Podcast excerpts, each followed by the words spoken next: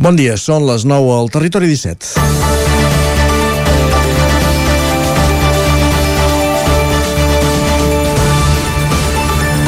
El 15 de setembre començava la campanya de cobrament del nou impost que aplica la Generalitat per la generació de CO2 dels vehicles. Quan en les setmanes prèvies a la seva aplicació posàvem la matrícula per fer la consulta sobre si ens tocava pagar i quan, la gran majoria de mortals fèiem la consulta sobre el vehicle que tenim ara mateix. Pocs van ser tan vius de pensar amb la lògica de l'administració i, consul i consultar sobre vehicles que ja no tenim, que han canviat la seva titularitat o que directament ja estan donats de baixa i s'ho enferrallen. I vista l'experiència de molts conductors, aquí és on hi havia el parany. Ara, seriosament, a molts conductors els estan reclamant el tribut per un vehicle que ja no tenen, que és ferralla o fins i tot per d'algun familiar que ja és mort. Dilluns el 9-9 d'Osona i el Ripollès n'explicaven alguns casos, però les xarxes socials van plenes de testimonis d'aquesta errada. Segurament s'està treballant treballant inexplicablement sobre una base de dades vella i al final el que han aconseguit posar-hi llum després de diverses gestions, els que han aconseguit posar-hi llum després de diverses gestions amb infinitat de portes diferents, no els queda més opció que pagar, recórrer i esperar que resolgui el recurs perquè l'opció de no pagar penalitza. Sap greu però dir-ho, però l'administració de vegades és la primera que no contribueix a millorar la seva imatge. Benvinguts al Territori 17 a la sintonia de Ràdio Cardedeu, la veu de Sant Joan, Ona Codinenca, Ràdio Vic, el 9 FM i el 9 TV. Territori 17, amb Isaac Moreno i Jordi Sunyer. Bye.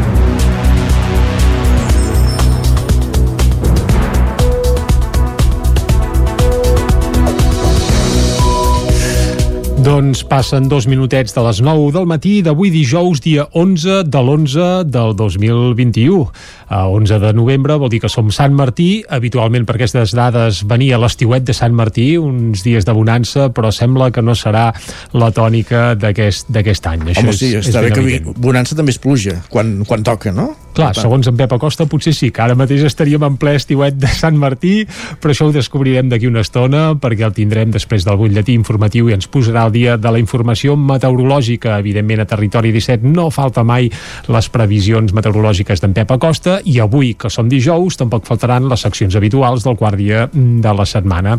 Avui, Isaac, per exemple, eh, anirem, acabarem anant al cinema Correcte, eh, des de l'Eu de Sant Joan. i en Gerard Foses, sí. També ens visitarà en Jordi Soler per alegrar-nos interiorment i parlar-nos de PNL. Avui parlarem de la hipnosi.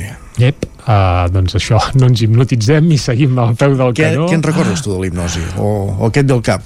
Home, evidentment, si recordés alguna cosa estaria hipnotitzat i ja no recordaria res, però no, no sé, no, jo, no. jo el record que en tinc és a la discoteca Babalú, amb 14 anys, en viatge final de curs a Mallorca, que van hipnotitzar una noia allà al mig de la pista. Ara, pla. És, és tot, tot... Estava trucat o... Ni idea, jo sé. No era pas jo el que l'hipnotitzava.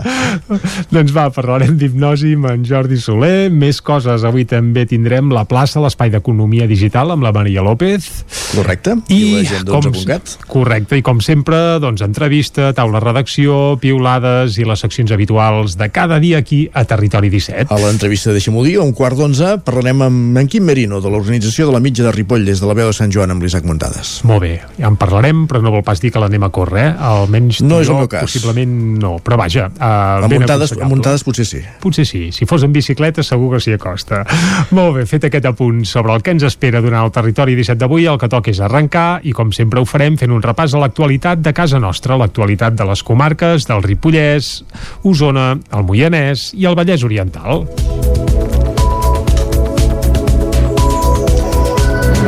Abans d'acabar aquest any, el 2021, han de començar les obres a les dues adoberies que l'Ajuntament de Vic va comprar per rehabilitar-les. S'hi crearà un centre d'interpretació del món adober i espais que es puguin destinar a coworking, tallers i oficines.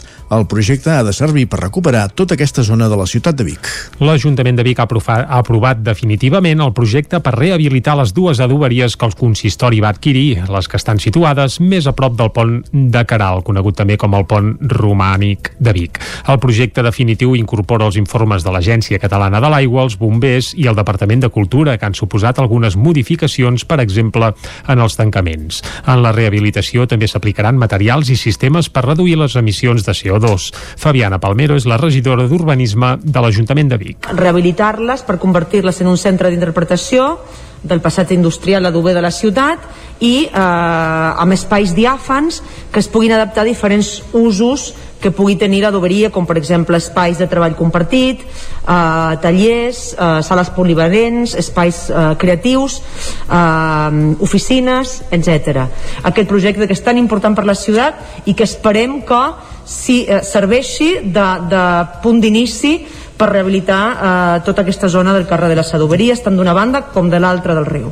Tots els grups de l'oposició donen suport al projecte. Esquerra Republicana i Capgirem destacaven la tasca feta anys enrere pel moviment Salvem les Adoberies.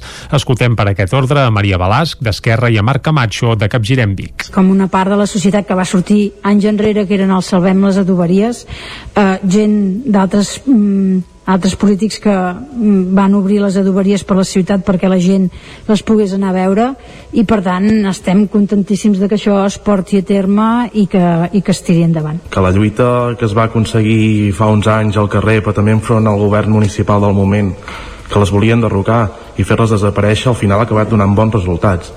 No podem però encara felicitar-nos del tot encara, perdó. Fins que evidentment no veiem tot el conjunt històric de les adoberies acabat abans d'acabar aquest 2021 ha de començar la primera fase de les obres amb la consolidació del sostre de la planta del subterrani. La part central de la rehabilitació s'iniciaria a finals del primer trimestre de 2022 amb un termini d'execució de 18 mesos. L'import total del projecte constructiu, que no inclou la museografia, s'acosta als 2.700.000 euros. El pressupost de l'Ajuntament de Vic de l'any que ve preveu destinar-hi a les adoberies 1.700.000 euros. Una notícia d'aquelles que posa els pèls de punta. Un nen de 4 anys en estat greu després de caure pel balcó d'un tercer pis a Vic. Un nen de 4 anys va caure pel balcó ahir dimecres al migdia a la zona del Nadal de Vic. El sistema d'emergències mèdiques el va evacuar en helicòpter a l'Hospital Parc Taulí de Sabadell, on va ingressar a la unitat de cures intensives, estable però greu. Segons fons oficials, el menor, que és fill únic, s'hauria precipitat accidentalment pel balcó després d'obrir ell mateix la finestra. Va caure des d'un tercer pis i va impactar amb la barana d'un altre habitatge, però en cap moment va perdre el coneixement. A banda de l'helicòpter medicalitzat, fins al lloc dels fets s'hi van desplaçar també tres ambulàncies i efectius policials. L'Hospital de Vic deixarà de ser l'únic de la Catalunya Central on es pot avortar quirúrgicament. Un acord entre el CatSalut i la Fundació Altai ha estès aquesta prestació també a Manresa. L'Hospital Universitari de Vic era fins ara l'únic de la Catalunya Central on les dones podien avortar quirúrgicament. Gràcies a un acord entre el Servei Català de Salut i la Fundació Altaia de Manresa, però, a partir d'ara, la capital del Bages també tindrà aquesta prestació en cartera, una opció que els col·lectius feministes reclamaven de fa temps. Segons expliquen des de la regió sanitària Catalunya Central, el CatSalut s'encarregarà de designar l'equip que durà a terme les intervencions, mentre que la Fundació Altaia facilitarà l'espai adequat per dur-les a terme. Les mateixes fonts subratllen que evitar desplaçaments, majoritàriament a clíniques privades de Barcelona, permetrà posar la dona al centre de l'atenció mèdica, oferint-li un servei acurat, professionalitzat, de qualitat i proper. Les interrupcions voluntàries de l'embaràs segueixen una tendència a l'alça tant al conjunt de Catalunya com a Osona, on el 2019 n'hi va haver 421.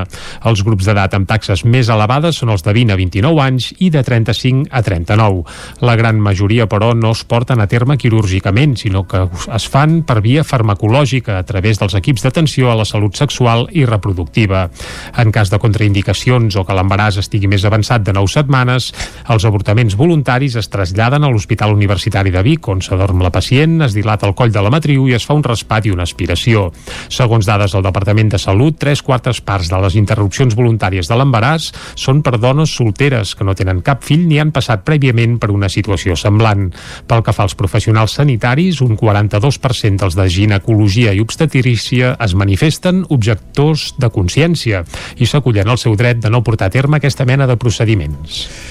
Més qüestions, anem cap al Ripollès. L'Ajuntament de Ripoll aprova una modificació urbanística en favor del Bike Park. Isaac Muntades, des de la veu de Sant Joan. L'Ajuntament de Ripoll segueix posant totes les facilitats a l'empresa Elevate TV perquè el Bike Park es faci a la zona del Puig de la Devesa de la població. L'últim pas es va fer al ple extraordinari de dilluns amb l'aprovació provisional de la modificació número 31 del Pla Urbanístic Municipal referent al paratge natural dels plans de la Casa Nova del Roure i de Cal Menut. L'equip de govern de Junts per Ripoll va estimar parcialment dues al·legacions i va tombar la resta resta. Coherents amb la seva postura des d'un bon inici, el grup de l'Alternativa per Ripoll CUP va ser l'únic partit que va votar-hi en contra. El seu portaveu, Aitor Carmona, argumentava així el seu vot negatiu. Una resolució d'aquestes al·legacions tramposa s'exposa una falsa motivació d'interès públic de reordenació d'un paratge natural quan tots sabem quina és la motivació real i única que hi ha al darrere, que és la construcció d'un parc de bicicletes. S'al·lega aquí, doncs, amb, amb aquesta resolució d'al·legacions que no calen estudis econòmics ni de mobilitat perquè es manté doncs, aquesta falsedat de la motivació de la, de la modificació. Òbviament, quan calgui fer els tràmits per aconseguir l'objectiu real, que és posar la base d'aquest parc, sí que caldran tots aquests estudis i caldrà fer un pla especial eh, perquè es dugui a terme. A més, doncs, també veiem l'informe de carreteres, veiem que, que aquí passa una suposada futura variant que també posa en dubte la viabilitat o no d'aquest possible parc. El regidor Copaire va afirmar que els hi genera molts dubtes la instal·lació d'aquest parc i que han tingut algunes converses amb l'empresa de la qual ha dit que coneix les mancances del projecte pel que fa a comunicacions ferroviàries, de vials, d'accessos a la zona, dels perfils dels usuaris que tindran o del benefici real que pugui tenir per Ripoll al seu entorn. Carmona va dir que es posava un interès econòmic particular per sobre de la protecció d'un espai natural i que, en aquest cas, els tràmits avançaven a bon ritme, a diferència d'algunes mocions presentades pels copaires com el pla de la bicicleta, el canvi de nom del carrer General Sánchez Fuensanta, la creació d'una xarxa antirumors, la col·locació d'una estàtua del comte Guifré a l'entrada a Ripoll o l'accessibilitat al pont de Calatrava, un darrer cas que sembla que sí que se solucionaria el 2022. El regidor i cap de l'àrea de serveis al territori i sostenibilitat, Joaquim Colomer, va contestar-li que tot es farà de forma ordenada i legal.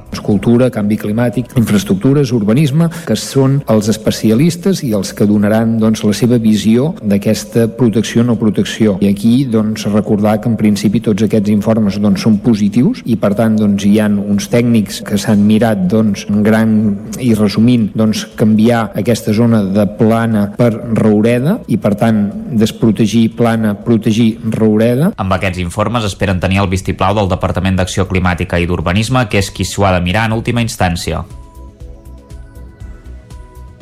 Comença el procés participatiu dels pressupostos participatius, valgui la redundància, per joves a Cardedeu. Aquesta setmana s'inicia el procés en el qual es decidirà en què s'inverteixen 8.000 euros del pressupost municipal de l'any vinent. Núria Lázaro, de Ràdio Televisió de Cardedeu. Comença una nova edició dels COU, crear opcions i a l'urna, els pressupostos participatius juvenils de Cardedeu que combinen la democràcia directa amb processos deliberatius basats en l'empoderament personal i comunitari. La convocatòria 2021-2022 és oberta a joves d'entre els 12 i els 30 anys que poden presentar propostes per projectes i per infraestructura del casal de joves La Paqui. Enguany, el pressupost global és de 8.000 euros, dels quals 4.000 es destinaran a les propostes creades i votades col·lectivament per adolescents d'entre 12 i 18 anys i els altres 4.000 a les propostes fetes pels joves d'entre 19 i 30 anys. El límit econòmic de les propostes és de 2.000 euros i es diferencien entre propostes socials amb perspectiva, visió i missió de transformació social o bé propostes motivacionals sorgides d'una motivació i interès juvenil. Aquesta setmana comença el procés amb trobades a la PACI els dies 10, 11, 17, 18, 25 i 26 de novembre, de 5 a 9 del vespre per revisar la proposta i acceptar-ne la viabilitat tècnica. Un cop validada, cal registrar-la al formulari d'inscripció de propostes dels COU 2022 abans del 31 de desembre, indicant si és una proposta social o una proposta motivacional. La votació dels COU 22 es divideix en dues parts, votació popular i votació assembleària i cada persona tindrà un vot social i un vot motivacional. Gràcies, Núria. I parlem ara del TAP, el Teatre Auditori Polivalent. Serà que serà l'escenari de la representació teatral Les llegendes de Vigues i Riells del FAI, que enguany arriba a l'onzena edició. Caral Campàs, des d'una codinenca. La pandèmia i les condicions meteorològiques han obligat a canviar l'escenari habitual d'aquesta obra teatral que habitualment es feia a l'exterior i enguany l'escenari serà al Teatre Auditori Polivalent. El dia 13 de novembre arriba la onzena edició de les llegendes que recullen els mites llegendaris del municipi. Sentim dos representants de Fem Vir, l'entitat organitzadora, Jordi Montfort i Paqui Cortés, per aquest ordre. Nostra idea era fer-ho fora, però eh, que és la, és la filosofia de les llegendes, que no estan, no estan pensades per fer-les dintre un teatre, però les condicions de que ens van fer obligar a anar retardant cada vegada més la l'obra, perquè el que sí que teníem clar aquest any era que les fèiem, eh? l'any passat no les vam fer, aquest any tenien clar que sí que les fem, les hem anat retardant per diferents qüestions i clar, a mitjans de novembre a, fe, a fora ja no ho veiem fi, mm, factible de fer-ho. Perquè el maco és explicar-les en l'entorn realment de les llegendes perquè hem anat fent les llegendes itinerant i aquesta itinerància sempre incluïem una llegenda del lloc on hi anàvem. Aquesta edició, dirigida per Mònica Luchetti i Mireia Coma, inclourà algunes novetats com la recuperació de la llegenda del Capsigrany. També tindrà un grup d'escoltes protagonistes renovat i les coreografies de Maria Pichaco, de l'Escola de Dansa Únic Dance Studio. Una seixantena de persones fan possible aquesta cita ja consolidada al municipi Jordi Montfort. La primera llegenda és la de la de la, la creació de les quatre barres, perquè segons es va dir, doncs, el conte Guifreo Pilós havia corregut per, aquesta, per aquestes terres de, de per aquí i llavors doncs, aprofitant això doncs, hi ha una llegenda sobre la creació de les quatre barres després ja fa un altre, hi ha un altre que és fa relació a la cova del, del Moro que és una, una cova que hi ha aquí als, als cingles Fem Vir no descarta incorporar noves llegendes a l'edició de l'any vinent que esperen també recuperar-les en un espai exterior com marca la tradició. Gràcies, Caral. Amb Caral Campàs, amb Núria Lázaro, amb Isaac Montades i amb Jordi Sunyer hem fet aquest repàs informatiu que començàvem al punt de les 9. Tot seguit al Territori 17 anem per la previsió meteorològica.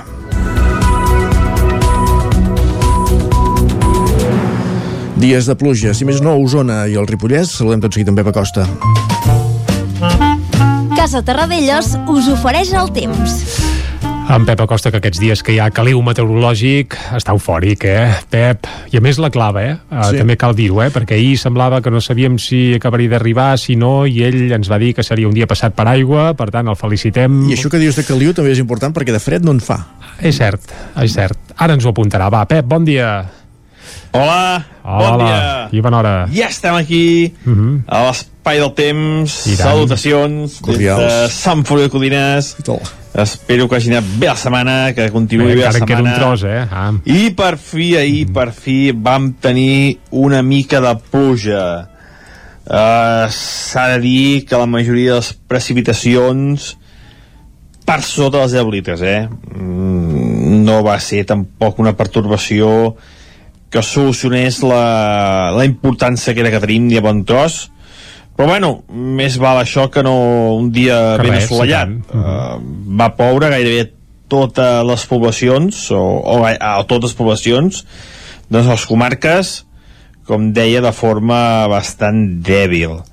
Només eh, va ploure eh, amb més quantitat eh, cap a la zona del Montseny i del Pirineu, on es van superar els 20-30 litres per metre quadrat. Ja sí que va ser una pluja bastant interessant, eh, bastant maca, però bueno, només aquesta zona, eh, el, el Montseny i el Pirineu. La cota de neu molt amunt, 2.100-2.200 metres, ha nevat bastant cap a la zona de, de Baiter, però bueno, només aquesta zona, eh? Baiter, Puigmal, eh, aquestes zones, i ja deia, eh, per sobre dels 2.100, 2.300 metres. Aquesta pertorbació eh, també ens ha portat vent eh, i com deia cops de 50, 60, 70 km per hora a moltes zones. I aquesta pertorbació encara serà protagonista del dia d'avui. Encara continuarà molt a prop nostra i aquest matí encara pot ploure uh, plourà menys que ahir uh, doncs imagineu, eh? plourà menys que ahir per tant la majoria de precipitacions entre els 0 i els 5 litres si és que arriben a caure i novament on més plourà serà el Montseny i també el Pirineu amb valors que poden superar els 10-20 litres uh, per tant aquestes zones entre ahir i avui uh, es poden acumular uns 40-50 litres que això sí que comença a ser una precipitació destacable interessant i que és molt molt beneficiosa. Però bueno, com deia, la majoria de precipitacions han estat eh, bastant, bastant escasses i no han aportat tota l'aigua que haurien de, de portar. El vent continuarà fent, sent destacable en algunes zones on superarem els 30, 40, 50 km per hora. Cap, cap, eh, cap eh, cop de vent huracanat ni molt menys.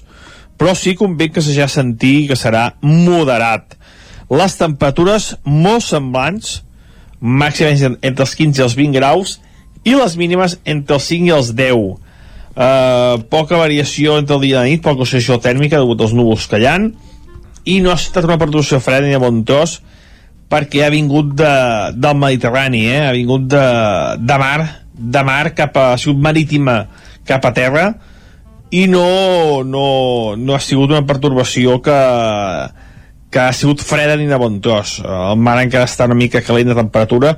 De fet, totes les, totes les perturbacions que venen de mar no són fredes ni, ni de bon tros, eh? les, que, les que provenen del nord d'Europa òbviament sí que són les fredes o els fons atlàntics també són molt més freds que l'Atlàntic eh, no cal dir-ho, tothom ho sap és un mar molt més fred que el nostre que el, que el mar Mediterrani i això és tot, eh, disfrutar el dia d'avui aquesta perturbació encara tindrem a sobre, com he dit eh, fins a fins a mig matí, primeres hores de tarda pot provocar alguna pluja ja de cara a la tarda vespre s'allunyarà i ja provocarà que hi hagi grans clarianes a les nostres comarques. Però fins al vespre encara pot ploure una mica, eh, com deia, precipitacions molt modestes, temperatures molt semblants als d'ahir i avui encara una mica de vent. Moltes gràcies, adeu. A tu, fins demà. Exacte, que vagi bé, Pep. Salut. No està, perdó. Sí. Ara cap al quiosc, va, vinga. Casa Tarradellas us ha ofert aquest espai. I al quiosc anem a conèixer les portades dels diaris d'avui. I comencem, com sempre, amb el punt avui, que titula Més acció exterior, i es fa referència, fa referència a aquest titular, a que la Generalitat ha incrementat el pressupost d'exteriors eh, per lluitar, diuen, contra la repressió. Es veu que Ciutadans va presentar eh, una reconsideració a la mesa, però la van tombar, per tant, sembla que el pressupost del Departament d'Exteriors doncs, pujarà i força, però bé, en, ja vam repassar ahir que el pressupost, si s'acaba aprovant, puja a tot arreu, eh? per tant, tampoc seria cap novetat. Més coses, la fotografia és pel Barça, femení en aquest cas. El punt avui diu el Barça sense concessions a Europa i és que ahir les Blaugrana van guanyar el Hohenheim, no sé si ho dic bé, per 4-0 i consoliden el seu lideratge al grup C de la Lliga de Campions femenina. Sí, fa no fa com el masculí. I això, tres quarts de la mateixa. Anem, anem cap a l'ara, que titulen bé amb un tema totalment nou, que no, hi, no el pesca ningú més, que diu, atenció, el consum d'oli de palma afavoreix les metàstasis. Sí, Aquest és un és el que titular principal, correcte. Diuen que aquest oli es troba sobretot en pastisseria industrial, alguns làctics i carn, i també en cosmètica. Per tant, sembla que segons aquest estudi seria qüestió d'evitar una mica el consum d'aquest tipus d'oli. Ara, per cert, ja hi ha molts... Allò, ve el cap la noceta, eh? per exemple, allò sense oli de palma. Correcte, sí, sí. És a dir, que la fama d'aquest oli ja està una mica de capa caiguda i si li afegim aquest estudi, doncs sembla que encara anirà exacte, sí. També titulen 200 anys de Dostoyevsky, l'autor, una autèntica muntanya russa vital i literària, motiva nombroses traduccions i relectures teatrals i artístiques per commemorar precisament els 200 anys de, del naixement d'aquest escriptor rus. També el govern obrirà noves delegacions a l'estranger, tot i l'amenaça judicial. I a la fotografia es veu el conseller d'Economia, eh, hi ha un títol que diu el concert econòmic reobre ferides, és a dir, que continua el caliu Sí, això va ser un acte d'ahir de l'Ara, que va haver-hi algun, algun comentari que no va agradar al president Pujol, que estava present a l'acte, que va recordar que sí, que ell l'havia demanat el concert econòmic, perquè algú havia dit que no. Correcte, en aquest acte que es va fer al Palau Robert de, de Barcelona. La crònica la trobareu al diari Ara. Més portades, anem cap al periòdico. El corredor del Mediterrani quedarà incomplet el 2025. Ahir el periòdico ja titulava eh, parlant del corredor mediterrani, avui hi continuen. Sí, com ara, I, no? Sí, Bàsic. és a dir, ras i curt, d'aquí 3 anys estarem, si fa no fa, igual. La fotografia és per la crisi humanitària que s'està vivint aquests dies a la frontera, eh, sobretot de Polònia, i un titular que diu res per menjar, només fred, molt fred, allò entre cometes, per tant, se suposa que reproduint la cita textual d'algun testimoni que es troba ara mateix en aquell, en aquell refugiats. Anem cap a l'avantguàrdia. Brussel·les obliga Espanya a ampliar el període de càlcul de les pensions. Aquest és el titular principal de l'avantguàrdia, que diu l'acord entre la Comissió Europea i l'executiu fixa per al final del 2022 el límit per aprovar el canvi que pot crear tensió a la coalició PSOE Podem. Ja s'avancen els de l'avantguàrdia, perquè si s'ha de canviar això, hi haurà, hi haurà caliu. A l'avantguàrdia també diu Peremi Cervantes per a Peri Rossi, una uruguaiana que viu a Barcelona. Molt bé. També apareix amb un raconet el Barça de Basc, el Barça volem, volem femení. dir femení, però no per parlar del partidàs que va fer ahir a la Champions, sinó per dir que una ex del Barça rep una brutal pallissa al PSG. Uh, això I han detingut la, una companya d'equip que anava amb ella amb el cotxe és, en el moment de la pallissa. Sí, sí és, és espectacular, perquè aquesta noia que jugava al Barça l'any passat, uh, doncs resulta que sembla que una companya seva hauria llogat uns sicaris perquè la paguessin, la paguessin i li fessin mal a les cames i bé, i així no pogués jugar i pogués jugar ella, bé, una cosa Però que valdria per un, sí, per un episodi o uns quants de crims, eh? Bueno, uns quants tampoc. Bé, no sé, no sé. Va, anem cap a Madrid i comencem pel país, com fem sempre, el titular principal és aquest, Brussel·les i Espanya firmen l'ampliació del còmput de les pensions, és a dir, l'avantguàrdia ballava, el país ja ho donen per fet, i diuen que el contracte obligarà a aplicar la mesura el 2022 per rebre els fons europeus. La fotografia principal és per aquesta crisi humanitària que s'està vivint a Polònia i diuen la Unió Europea sancionarà a Bielorússia per desestabilitzar la seva frontera. Aquest és un dels titulars principals que apareix al país. Més portades de la premsa de Madrid. Anem al Mundo, va. Sánchez ajustarà les pensions a canvi dels fons de la Unió Europea. Aquí ja pronostiquen com anirà tot plegat. La foto també és per la crisi a Polònia i unes cometes que s'obren i diuen els militars ens van portar eh,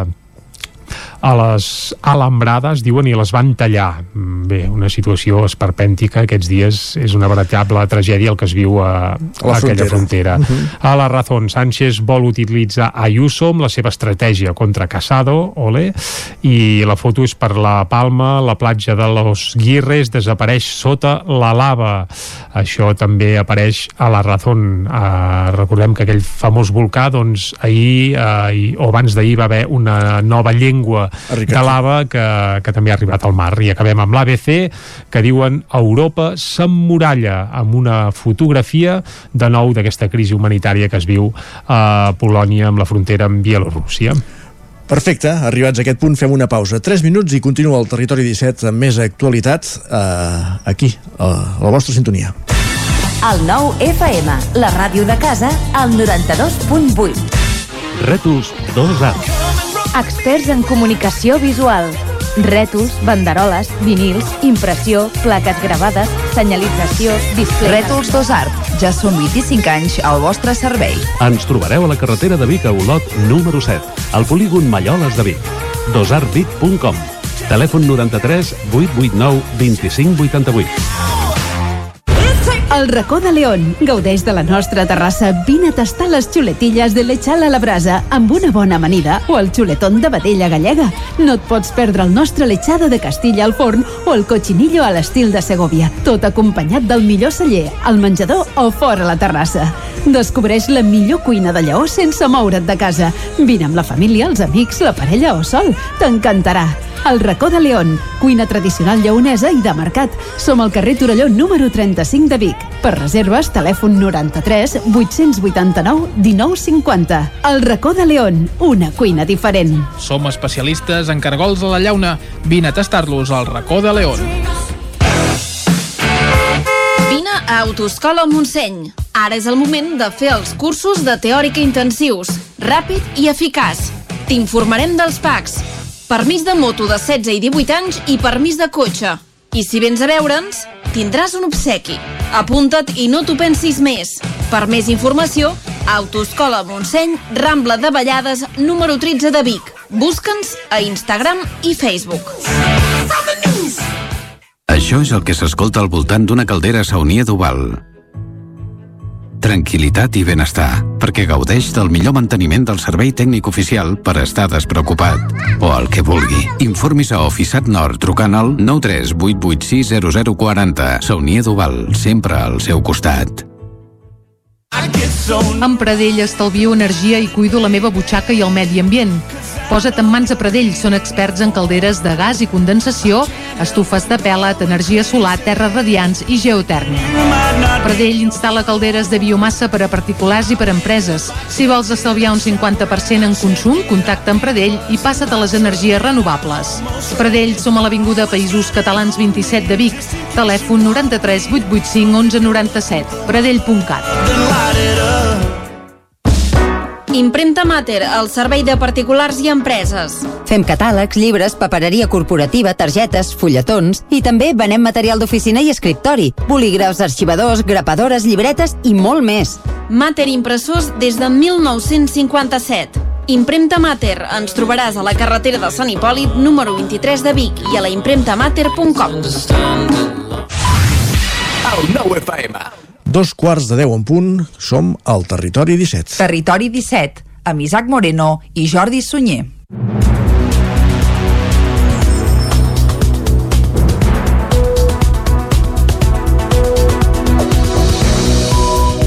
Doncs vinga, quan passen 20 segons de dos quarts de 10 d'aquest dijous, dia 11 de novembre de 2021, dia de Sant Martí, per tant, felicitats a tots els Martins. I les Martines. I les Martines, evidentment, doncs el que farem de seguida és acostar-vos de nou tota l'actualitat de les nostres comarques, de les vostres també comarques. Això sí, abans us avancem una mica el menú que tindrem fins al punt de les 12 del migdia. Abans de les 10 hi posarem música. Avui estarem d'estrena amb uns vegencs que han col·laborat amb el Pep Sala.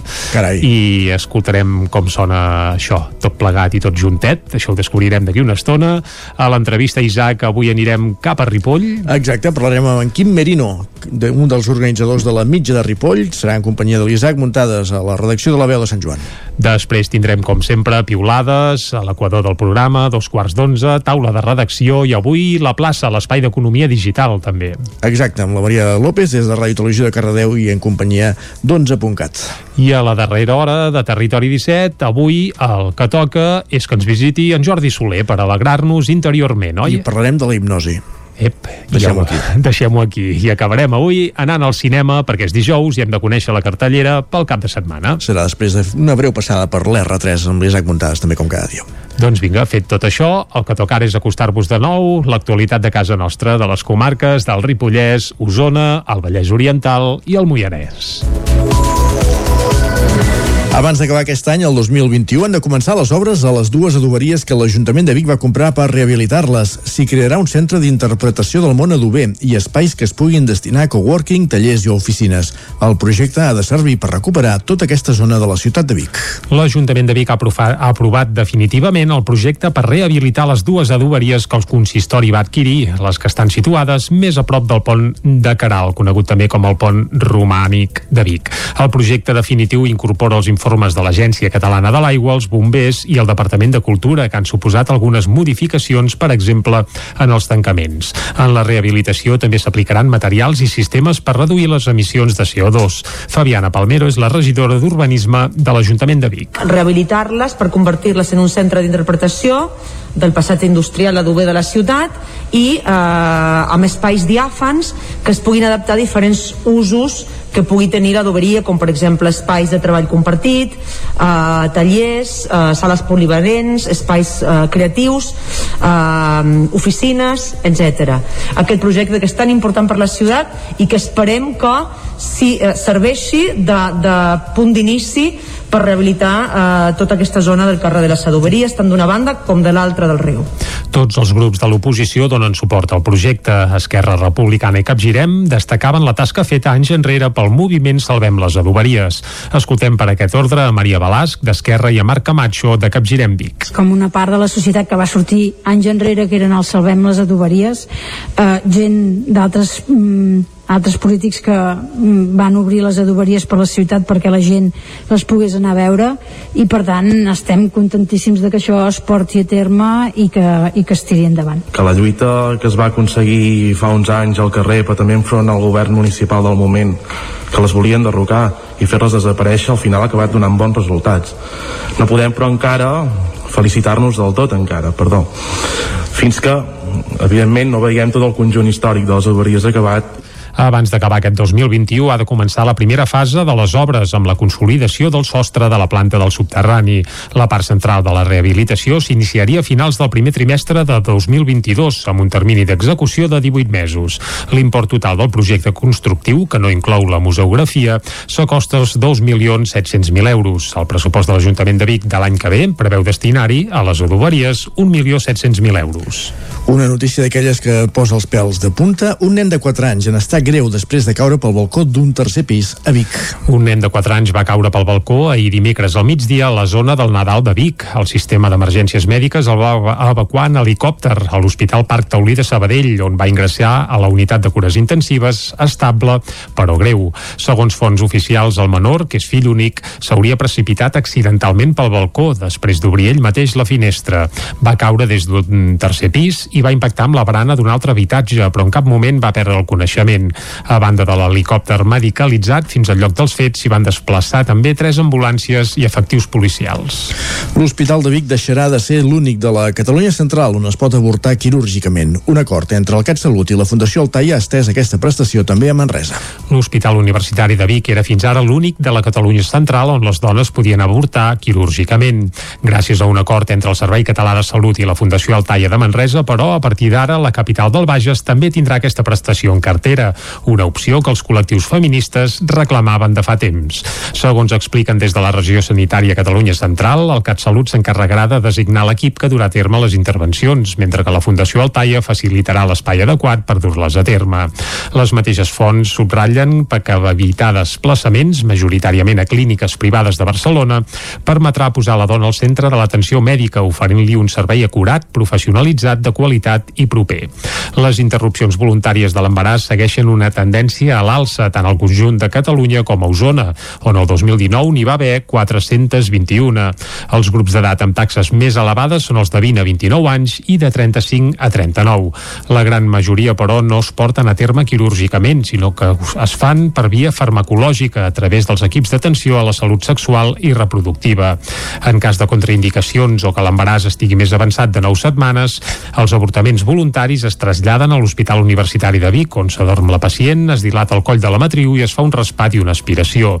Segons dades del Departament de Salut, tres quartes parts de les interrupcions voluntàries de l'embaràs són per dones solteres que no tenen cap fill ni han passat prèviament per una situació semblant. Pel que fa als professionals sanitaris, un 42% dels de ginecologia i obstetrícia es manifesten objectors de consciència i s'acullen al seu dret de no portar a terme aquesta mena de procediments. Més qüestions, anem cap al Ripollès. L'Ajuntament de Ripoll aprova una modificació urbanística en favor del Bike Park. Isaac Muntades, des de la veu de Sant Joan. L'Ajuntament de Ripoll segueix posant totes les facilitats de l'empresa Elevate Item TV perquè el Bike Park es faci a la zona del Puig de la Devesa de la població. L'últim pas es va fer al ple extraordinari de dilluns amb l'aprovació provisional de la modificació número 31 del Pla Urbanístic Municipal referent al paratge natural dels plans de la Casa Nova del Roure i de Cal Menut. L'equip de govern de Junts per Ripoll va estimar parcialment dues al·legacions i va tombar la resta resta. Coherents amb la seva postura des d'un bon inici, el grup de l'Alternativa per Ripoll CUP va ser l'únic partit que va votar-hi en contra. El seu portaveu, Aitor Carmona, argumentava així el seu vot negatiu. Una resolució d'aquestes al·legacions tramposa s'exposa una falsa motivació d'interès públic de reordenació d'un paratge natural quan tots sabem quina és la motivació real i única que hi ha al darrere, que és la construcció d'un parc de bicicletes. S'al·lega aquí, doncs, amb, amb aquesta resolució d'al·legacions que no calen estudis econòmics ni de mobilitat perquè es manté doncs, aquesta falsedat de la motivació de la, de la modificació. Òbviament, quan calgui fer els tràmits per aconseguir l'objectiu real, que és posar la base d'aquest parc, sí que caldran tots aquests estudis i caldrà fer un pla especial eh, perquè es dugui a terme. A més, doncs, també veiem a l'informe de carreteres, veiem que, que aquí passa una suposada futura variant que també posa en dubte la viabilitat o no d'aquest possible parc. El regidor Copaire va afirmar que els hi genera molts dubtes la instal·lació d'aquest parc i que han tingut algunes converses amb l'empresa de la qual ha dit que coneix les mancances del projecte pel que fa a comunicacions ferroviàries, de vials, d'accessos a la zona, dels perfils dels usuaris que tindran o del benefici real que pugui tenir per Ripoll al seu entorn. Carmona va dir que es posava un interès econòmic particular per sobre de la protecció d'un espai natural i que, en aquest cas, els tràmits avançaven a bon ritme, a diferència d'algunes mocions presentades pels copaires com el pla de la bicicleta, el canvi de nom del carrer General Sánchez Fuensanta, la creació d'una xarxa antirumors, la col·locació d'una estàtua del comte Guifré a l'entrada a Ripoll o l'accessibilitat al pont de Calatrava, un darrer cas que sembla que sí que se solucionaria el 2022. El regidor i cap de l'àrea de serveis al territori i sostenibilitat, Joaquim Colomer, va contestar-li que tot es farà de forma ordenada i legal. Cultura, canvi climàtic, infraestructures, urbanisme, que són els especialistes i els que donaran doncs, la seva visió d'aquesta protecció o no protecció. I aquí doncs, recordar que en principi tots aquests informes doncs, són positius i per tant doncs, hi han uns tècnics que s'han mirat doncs, gran i resumint doncs, canviar aquesta zona de plana per raureda i per tant desprotegir plana, protegir raureda. Amb aquests informes esperen tenir el vistiplau del Departament d'Acció Climàtica i d'Urbanisme, que és qui s'ho ha de mirar en última instància. Comença el procés participatiu dels pressupostos participatius, valgui la redundància, per joves a Cardedeu. Aquesta setmana s'inicia el procés en el qual es decidirà en què s'inverteixen 8.000 euros del pressupost municipal de l'any vinent. Núria Lázaro, de Ràdio Televisió de Cardedeu. Comença una nova edició dels COU, crear opcions i a l'urna, els pressupostos participatius juvenils de Cardedeu que combinen la democràcia directa amb processos deliberatius basats en l'empoderament personal i comunitari. La convocatòria convocatòria 2021-2022 és oberta a joves d'entre els 12 i els 30 anys que poden presentar propostes per projectes i per infraestructura del casal de joves La Paqui. Enguany, el pressupost global és de 8.000 euros, dels quals 4.000 es destinaran a les propostes creades i votades col·lectivament per adolescents d'entre 12 i 18 anys i els altres 4.000 a les propostes fetes pels joves d'entre 19 i 30 anys. El límit econòmic de les propostes és de 2.000 euros i es diferencien entre propostes socials amb perspectiva, visió i missió de transformació social o bé propostes motivacionals sorgides d'una motivació i interès juvenil. Aquesta setmana comença el procés amb trobades a la PACI els dies 10, 11, 17, 18, 25 i 26 de novembre, de 5 a 9 del vespre per revisar la proposta i acceptar-ne la viabilitat tècnica. Un cop validada, cal registrar-la al formulari d'inscripció de propostes dels COU 2022 abans del 31 de desembre, indicant si és una proposta social o una proposta motivacional. La votació dels COU 22 es divideix en dues parts, votació popular i votació assembleària i cada persona tindrà un vot social i un vot motivacional. Gràcies, Núria. I parlem ara del TAP, el Teatre Auditori Polivalent. Serà que serà l'escenari de la representació teatral Les llegendes de Vigues i Riells del FAI, que enguany arriba a l'onzena edició. Caral Campàs, des d'una codinenca. La pandèmia i les condicions meteorològiques han obligat a canviar l'escenari habitual d'aquesta obra teatral que habitualment es feia a l'exterior i enguany l'escenari serà al Teatre Auditori Polivalent. El dia 13 de novembre arriba la onzena edició de les llegendes que recullen els mites llegendaris del municipi. Sentim dos representants de Fem Vir, l'entitat organitzadora, Jordi Montfort i Paqui Cortés, per aquest ordre. La nostra idea era fer-ho fora, però eh, que és la, és la filosofia de les llegendes, que no estan, no estan pensades per fer-les dintre un teatre, però les condicions de que ens van fer obligar a anar retardant cada vegada més la, l'obra, perquè el que sí que tenien clar aquest any era que les fèiem, eh? l'any passat no les vam fer, aquest any tenien clar que sí que les fèiem, les hem anat retardant per diferents qüestions i clar, a mitjans de novembre a, fe, a fora ja no ho veiem fi, mm, factible de fer-ho. Perquè el maco és explicar-les en l'entorn realment de les llegendes perquè hem anat fent les llegendes itinerant i aquesta itinerància sempre incluïem una llegenda del lloc on hi anàvem. Aquesta edició, dirigida per Mònica Luchetti i Mireia Coma, inclourà algunes novetats com la recuperació de la llegenda del Capsigrany. També tindrà un grup d'escoltes protagonistes renovat i les coreografies de Maria Pichaco, de l'Escola de Dansa Únic Dance Studio. Una seixantena de persones fan possible aquesta cita ja consolidada al municipi. Jordi Montfort.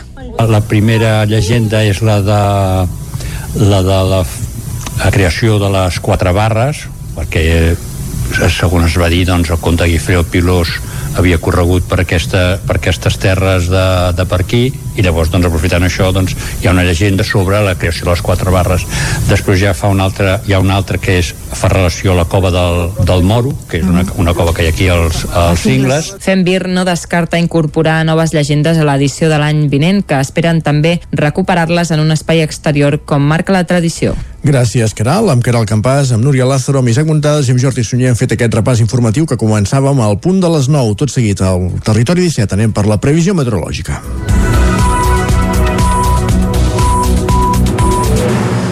Dies de pluja, si més no, a Osona i el Ripollès, saludem tot seguit amb Pepa Costa. Casa Terradellos us ofereix el temps. En Pep Acosta, que aquests dies que hi ha caliu meteorològic, està eufòric, eh, Pep? I a més la clava, eh? Uh, Sí. També cal dir-ho, eh? Perquè ahir semblava que no sabíem si acabaria d'arribar, si no, i ell ens va dir que seria un dia passat per aigua, per tant, el felicitem. I això que dius de caliu també és important perquè de fred no en fa. És cert, és cert. Ara ens ho apuntarà. Va, Pep, bon dia. Hola, Hola, bon dia. i bona hora. Ja estem aquí, Uh -huh. a l'espai del temps. Salutacions Cordials. des de Sant Feliu de Codines. Espero que hagi anat bé la setmana, que continuï bé la en queda setmana. un tros, eh? Ah. I per fi, ahir, per fi, vam tenir una mica de pluja. Uh, S'ha de dir que la majoria de les precipitacions per sota dels 10 litres, eh? Mm, no va ser tampoc una pertorbació que solucionés la, la important sequera que tenim ni a bon tros.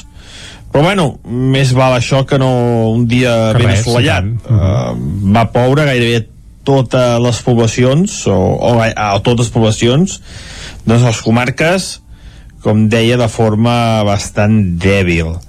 Només eh, va ploure eh, amb més quantitat eh, cap a la zona del Montseny i del Pirineu on es van superar els 20-30 litres per metre quadrat. Ja sí que va ser una pluja bastant interessant eh, bastant maca. Però bueno, només aquesta zona, eh, el, el Montseny i el Pirineu. La cota de neu molt amunt 2.100-2.200 metres ha nevat bastant cap a la zona de, de Baiter però bueno, només aquesta zona eh? Baiter, Puigmal eh, aquestes zones. I ja deia, eh, per sobre dels 2.100 2.300 metres. Aquesta pertorbació eh, també ens ha portat vent eh, i com deia cops de 50, 60, 70 km per hora a moltes zones.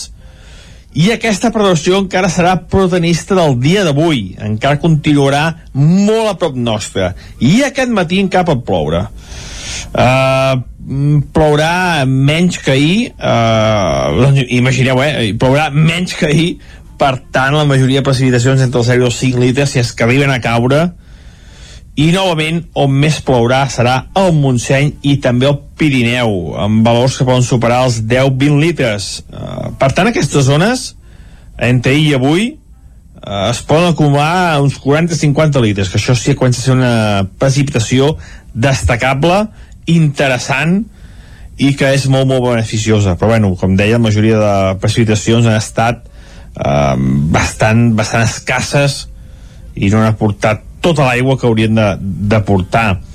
El vent continuarà fent, sent destacable en algunes zones on superarem els 30, 40, 50 km per hora cap, cap, eh, cap eh, cop de vent huracanat ni molt menys però sí vent que s'ha sentir que serà moderat les temperatures molt semblants màximes entre els 15 i els 20 graus i les mínimes entre els 5 i els 10 uh, poca variació entre el dia i la nit poca oscilació tèrmica degut als núvols ha i no ha estat una perturbació freda ni de bon tros perquè ha vingut de, del Mediterrani eh? ha vingut de, de mar de mar cap a ciutat marítima cap a terra i no, no, no ha sigut una perturbació que, que ha sigut freda ni de bon tros. El mar encara està una mica calent de temperatura. De fet, totes les, totes les perturbacions que venen de mar no són fredes ni, ni de bon tros, eh? les, que, les que provenen del nord d'Europa òbviament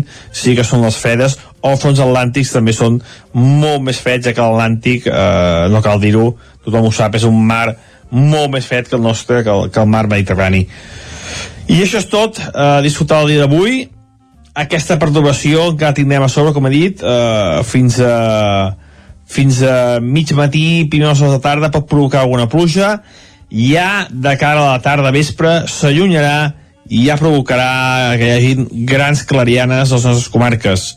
Però fins al vespre encara pot ploure una mica eh, com deia, precipitacions molt modestes temperatures molt semblants als d'ahir i avui encara una mica de vent. Moltes gràcies, adeu. A tu, fins demà. Exacte, que vagi bé, Pep. Salut. Sí. Ara cap al quiosc, va, vinga. Casa Tarradellas us ha ofert aquest espai. I al quiosc anem a conèixer les portades dels diaris d'avui. I comencem, com sempre, amb el punt avui, que titula Més acció exterior, i es fa referència, fa referència aquest titular, a que la Generalitat ha incrementat el pressupost d'exteriors eh, per lluitar, diuen, contra la repressió. Es veu que Ciutadans va presentar eh, una reconsideració a la mesa, però la van tombar, per tant, sembla que el pressupost del Departament d'Exteriors doncs, pujarà i força, però bé, en, ja vam repassar ahir que el pressupost, si s'acaba aprovant, puja a tot arreu, eh? per tant, tampoc seria cap novetat. Més coses, la fotografia és pel Barça, femení en aquest cas. El punt avui diu el Barça sense concessions a Europa i és que ahir les Blaugrana van guanyar el Hohenheim, no sé si ho dic bé, per 4-0 i consoliden el seu lideratge al grup C de la Lliga de Campions femenina. Sí, fa no fa com el masculí. I això, tres quarts de la mateixa. Anem, anem cap a l'ara, que titulen bé amb un tema totalment nou, que no, hi, no el pesca ningú més, que diu, atenció, el consum d'oli de palma afavoreix les metàstasis. Sí, és Aquest un és el estudi ahir, principal, correcte. Diuen que aquest oli es troba sobretot en pastisseria industrial, alguns làctics i carn, i també en cosmètica. Per tant, sembla que segons aquest estudi seria qüestió d'evitar una mica el consum d'aquest tipus d'oli. Ara, per cert, ja hi ha molts allò, amb el cap la nocet, eh? per exemple, allò sense oli de palma. Correcte, sí, sí. És a dir, que la fama d'aquest oli ja està una mica de capa caiguda i si li afegim aquest estudi, doncs sembla que encara anirà exacte, sí. També titulen 200 anys de Dostoyevsky, l'autor, una autèntica muntanya russa vital i literària, motiva nombroses traduccions i relectures teatrals i artístiques per commemorar precisament els 200 anys de, del naixement d'aquest escriptor rus. També el govern obrirà noves delegacions a l'estranger, tot i l'amenaça judicial. I a la fotografia es veu el conseller d'Economia, eh, hi ha un títol que diu el concert econòmic reobre ferides, és a dir, que continua el caliu Sí, això va ser un acte d'ahir de l'Ara, que va haver-hi algun, algun comentari que no va agradar al president Pujol, que estava present a l'acte, que va recordar que sí, que ell havia demanat el concert econòmic, perquè algú havia dit que no.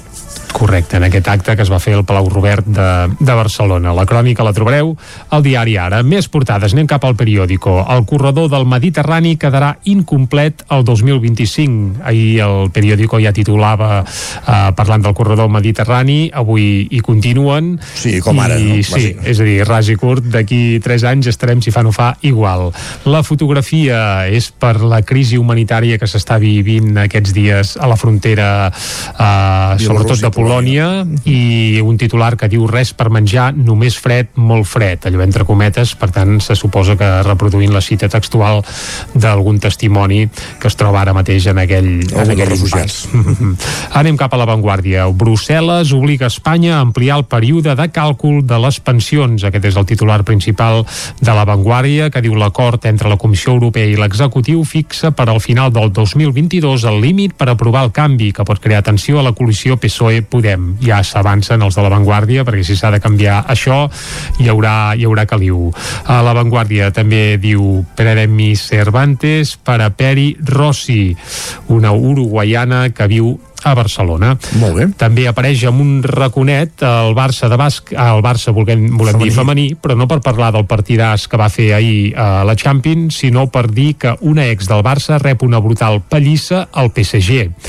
Uh, això I han és- detingut la, una companya d'equip que anava amb ell amb el cotxe en el és- moment de la pallissa. Sí, és, és espectacular, perquè aquesta noia que jugava al Barça l'any passat, eh, doncs resulta que sembla que una companya seva hauria llogat uns sicaris perquè La paguessin. la paguessin i li fessin mal a les cames i bé, i així no pogués jugar i pogués jugar ella, bé, una cosa Però que que valdria per un, Sí, per sí. un episodi o uns quants de crims, eh? Bueno, uns quants tampoc. Bé, no sé, no sé. Va, anem cap a Madrid i comencem pel país, com fem sempre. El titular principal és aquest. Brussel·les i Espanya firmen l'ampliació del còmput de les pensions. És a dir, l'avantguàrdia ballava, el país ja ho donen per fet, i diuen que el contracte obligarà a aplicar la mesura el 2022 per rebre els fons europeus. La fotografia principal és per aquesta crisi humanitària que s'està vivint a Polònia i diuen la Unió Europea sancionarà a Bielorússia per desestabilitzar la seva frontera.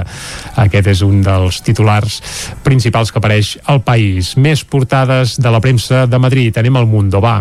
Sánchez ajustarà les pensions a canvi dels fons de la Unió Europea. Aquí ja pronostiquen com anirà tot plegat. La foto també és per la crisi a Polònia i unes cometes que s'obren i diuen els militars ens van portar eh, a les alambrades, diuen, i les van tallar. Mm, Bé, una situació esperpèntica aquests dies és una veritable tragèdia el que es viu a, a, la a aquella frontera. frontera. Uh -huh. A la Razón, Sánchez vol utilitzar Ayuso amb la seva estratègia contra Casado, ole, i la foto és per la Palma, la platja de los Guirres desapareix sota la lava.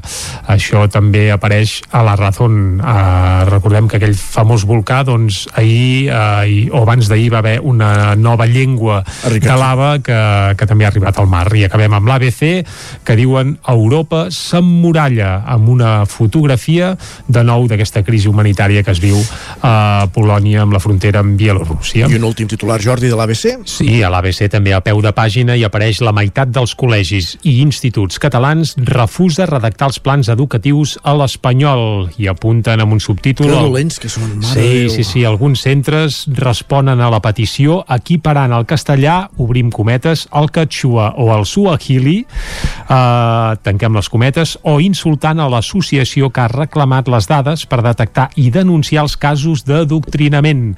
Recordem Perquè que una la- associació amb una ideologia molt concreta doncs, va demandar al Departament d'Ensenyament dient que, ei, que els plans educatius dels centres catalans han d'estar fets també en espanyol. Ja Perquè l'ABC i aquesta associació, el català, a quina categoria el posen? Home, doncs precisament la del Swahili o el Quechua com a mínim. Com a mínim.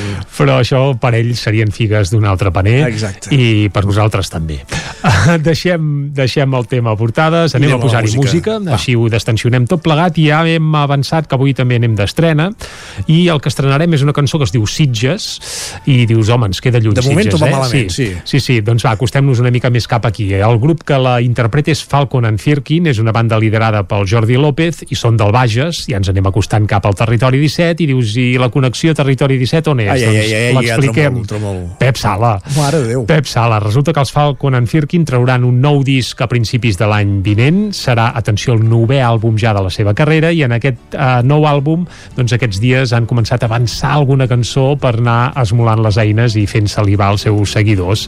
La cançó que van avançar precisament ahir és Sitges i en aquesta cançó, a part dels Falcon and Firkin, hi col·laboren un parell de batums. Un és usonenca, el Pep Sala, i l'altre és vegenca, és l'Albert Palomar, un cantautor amb una trajectòria que, bé, no, no és de masses, però molt aconsellable, també. Ja sento Pep Sala per aquí refilant, eh? Goital, doncs ja està cantant aquesta peça Sitges i amb aquesta peça arribarem fins al punt de les 10 aquí a Territori 17.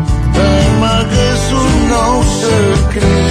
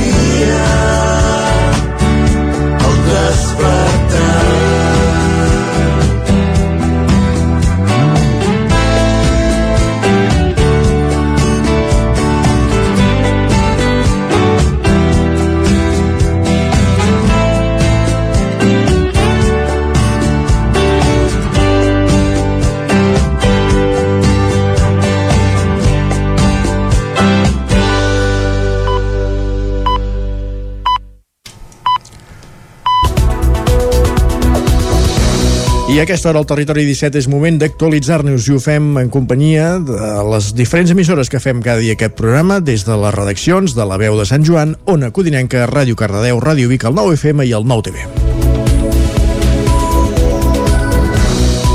Osona i el Ripollès han perdut gairebé la meitat d'oficines bancàries en els últims 20 anys. A Vic, la reducció és encara més dràstica i s'ha passat dels 50 bancs i caixes que hi havia a principis de segle a només 15.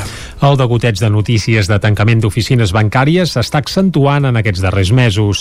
Dues al barri de Montserrat de Torelló, una a la plaça de la Sardana de Manlleu, una altra al barri dels Caputxins de Vic i la darrera a Sant Joan de les Abadesses han fet reaccionar els clients que es queden sense l'oficina de referència al barri o directament al poble, en el cas dels municipis més petits.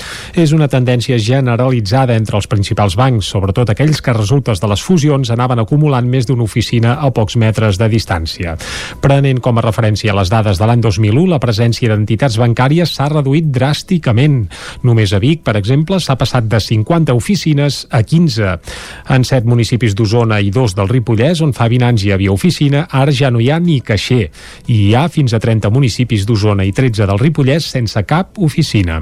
Tot plegat ha generat dificultats als usuaris, sobretot a la gent gran, i és en aquesta línia que hi ha hagut moviments en l'àmbit polític, tant al Parlament com a la Diputació de Barcelona. La Comissió d'Empresa i Treball del Parlament va aprovar el passat 30 d'octubre una proposta de resolució presentada per en Comú Podem arran dels darrers tancaments d'oficines a Osona. El text diu que els serveis, que els drets al servei bancari, perdó, han de donar-se amb independència de les seves habilitats digitals i de la localitat on visquin i s'insta a les empreses del sector a revisar els protocols d'atenció al públic, recuperar el tracte personal de qualitat i, sobretot, garantir el servei al conjunt del territori. La proposta va tirar endavant amb el suport de tots els grups, excepte Vox.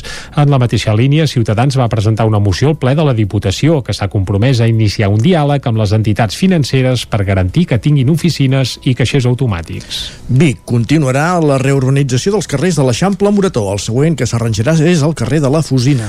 El projecte s'ha aprovat inicialment perquè la via tingui la mateixa fesúmia que les de la mateixa zona on ja s'ha actuat. Amb l'aprovació inicial s'obre ara el període d'exposició pública de 30 dies hàbils abans de l'aprovació definitiva.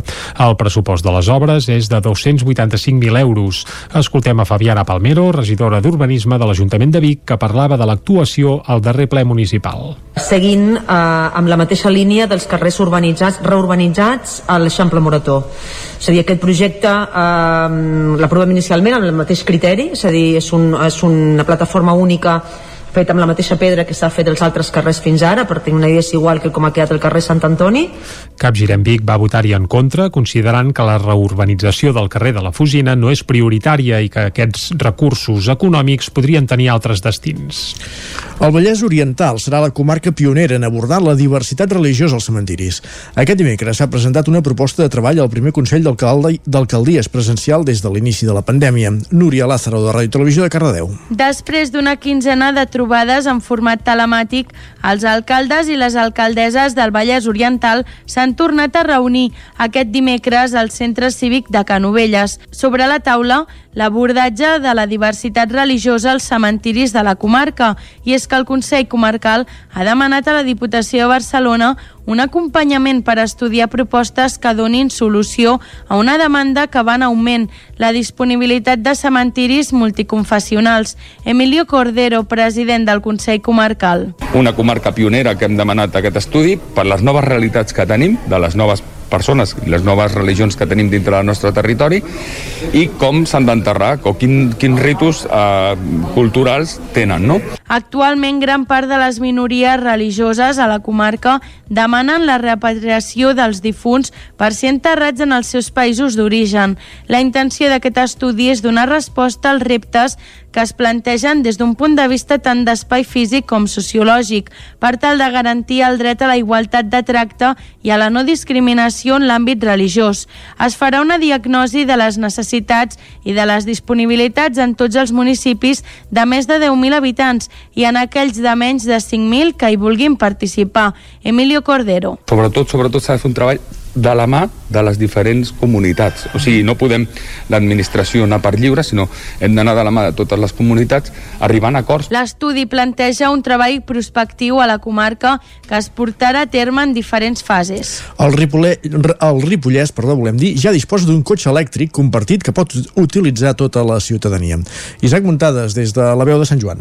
Ja fa més d'una setmana que tota la ciutadania del Ripollès pot reservar un nou cotxe elèctric compartit a títol personal. Des que aquesta iniciativa es va presentar a mitjans de setembre ja l'havien fet servir el personal del Consorci de Benestar Social del Ripollès, de l'Associació Líder Ripollès Ges Bisaura i l'Ajuntament de Ripoll. Ara qualsevol persona pot reservar-lo durant les hores que no està sent usat per aquestes institucions, és a dir, les tardes de dilluns a divendres i durant tot el cap de setmana. En algunes ocasions pot ser que les tardes de dimarts no estigui disponible. Per reservar el vehicle només cal fer-se soci i registrar-se al car sharing de Som Mobilitat a la seva pàgina web. Tot seguit cal descarregar-se l'aplicació de Som Mobilitat, cercar el mapa al vehicle de Ripoll, el qual està sempre aparcat a davant de la plaça de l'Ajuntament, i fer la reserva pel dia i hora que es necessiti. Per obrir el vehicle cal utilitzar els botons obre i tanca de l'aplicació. Seguidament s'ha de desbloquejar el cable de càrrega parament al botó amb el símbol d'un endoll que està situat a l'altura del genoll esquerre dins del vehicle, desendollar el cable del vehicle del punt de càrrega i desar-lo al maleter. El vehicle s'ha de retornar a la plaça de l'Ajuntament i posar-lo a carregar un cop s'acabi el viatge. També es pot trobar una guia pràctica d'ús del vehicle al seu interior i des de l'aplicació es pot trobar el telèfon d'assistència o bé es pot escriure al correu de Som Mobilitat. Per allargar l'autonomia del vehicle i fer una conducció més eficient i segura, es pot prémer el botó Eco. El cotxe elèctric compartit és un Renault Zoe i té preus molt assequibles.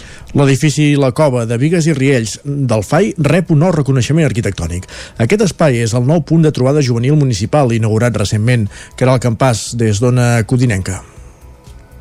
El nou edifici juvenil La Cova ha sumat un nou guardó com a edifici sostenible i de baix cost.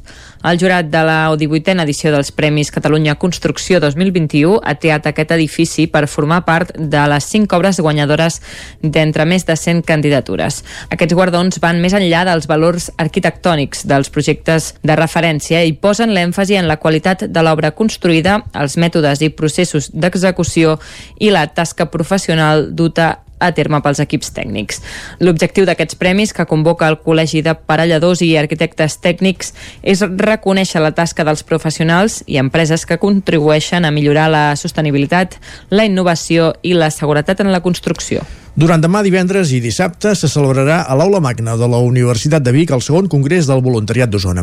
La trobada l'organitza la coordinadora del voluntariat d'Osona que es va constituir el, mes passat el passat mes d'abril i tindrà com a eix central el món educatiu. L'any 2019 es va celebrar a Vic el primer congrés del voluntariat d'Osona. D'allà en van sortir dos grans mandats. El primer era la necessitat de crear una coordinadora que aglutinés totes les entitats sense ànim de lucre que hi ha a la comarca, un fet que es va certificar l'abril d'aquest any amb la constitució de la COP, la coordinadora del voluntariat d'Osona. I la segona era crear un espai de trobada virtual per totes les entitats, que també ja és una realitat, la web osonavoluntariat.cat. Ho detalla Joan Torró, president de la coordinadora del voluntariat. Allà hi ha totes les entitats, més d'una cinquantena hi ha, hi ha també tota la informació que hem anat desenvolupant aquests dies tant de les entitats com també hi ha un apartat de, dels voluntaris que si volen fer alguna acció de voluntariat amb les entitats presents a la coordinadora doncs allà poden trobar els punts de referència I a osonavoluntariat.cat hi ha també tots els detalls del segon congrés que es farà aquest divendres i dissabte a l'Aula Magna de la Universitat de Vic. El primer congrés es va posar èmfasi en la necessitat de rejuvenir el voluntariat i és per això que en aquesta segona edició l'eix central serà el món educatiu i es presentarà el pla pilot Escoles per la Justícia Social. Una de les responsables de treballar en l'elaboració d'aquest pla és Montse Porta. Neix una mica de la, de la idea des del primer congrés en veure que la necessitat aquesta que hi havia de, de, de portar el, el voluntariat, bueno, de que els infants fossin partíceps de, de tot el tema de voluntariat, de voluntariat perquè veien això, no? que, que bàsicament no és gent gran Així, tal com es va fer fa anys amb el segell Escoles Verdes, es vol fer un treball similar als centres educatius ara amb el segell del voluntariat. De moment, el programa pilot es farà a l'Escola FADAC de Prats de Lluçanès, als Castanyers de Viladrau, a les escoles de GURB i també al Centre d'Estudis del Seminari de Vic. Durant el Congrés també es parlarà de la necessitat de recuperar persones que arran de la pandèmia, sovint per por, han deixat de fer voluntariat. Joan Torró. que hi ha molta gent doncs, que s'ha desengelat una mica en el sentit de que pensen que no és el moment de seguir fent voluntariat per una banda perquè tenen por eh, personal perquè els hi pot passar i també tam ens trobem en l'altra faceta no? de gent que pensa que fent accions de voluntariat fa córrer risc en el mateix receptor del voluntariat. Al llarg del Congrés també es convocaran els primers premis COP amb un guardó destinat al món escolar i un altre a l'entorn acadèmic. Les inscripcions per assistir al Congrés, que començarà demà divendres a les 5 de la tarda, són gratuïtes. Més qüestions. Fins al dia 9 de gener de l'any que ve es pot visitar l'exposició eh, del Centre d'Arts Contemporànies de Vic, dedicat a la figura del fotògraf Manel Esclusa. La mostra repassa els anys els 40 anys de trajectòria de l'artista per diferents àmbits i és també la manera de commemorar els 10 anys de vida de l'Espai Cultural Bigatà. La trajectòria fotogràfica de Manel Esclusa queda recollida en quatre espais expositius de Vic en una mostra que serveix com a homenatge a la seva figura i alhora com a motiu de celebració dels 10 anys del Centre d'Arts Contemporànies. El que va començar com un aprenentatge més a casa, de la mà del seu pare, s'ha acabat convertint en una professió de quatre dècades amb treballs que es mouen en diferents àmbits. Manel Esclusa. Normalment una retrospectiva es fa quan ja algú ja no hi és, no? I aquesta ja és la segona que em fan i jo espero que no, que encara n'hi hagin més llavors, no? que hi hagi continuïtat i que la tercera no sigui la vençuda.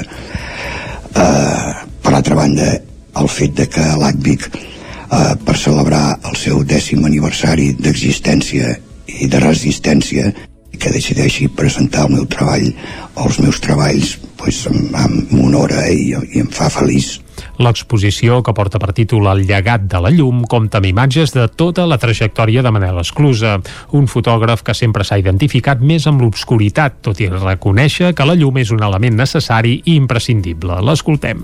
Jo inicialment sempre m'he plantejat més des de l'ombra o des de l'obscuritat i la llum sempre és aquell punt de referència que eh, ens mostra aquest espai infinit que és l'obscuritat. És a dir, no podem ser conscients de l'obscuritat si no tenim un punt de llum de referència.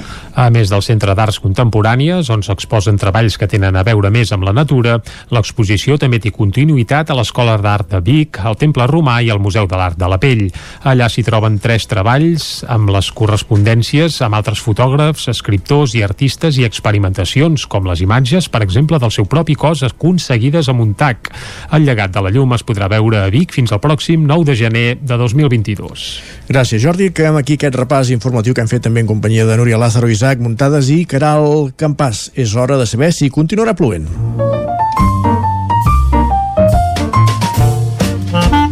Casa Terradellos us ofereix el temps. I qui ens ho certificarà, si seguirà plovent o no, com sempre és en Pep Acosta, que a primera hora ja ens ha dit que al matí sembla que encara sí, eh? Però vaja, li demanem de nou. Bon dia, Pep. Hola, bon dia. I per fi, ahir, per fi, vam tenir una mica de pluja. I aquesta previsió Ja encara tocava. serà protagonista del dia d'avui. Encara continuarà molt a prop nostre. I aquest matí encara pot ploure.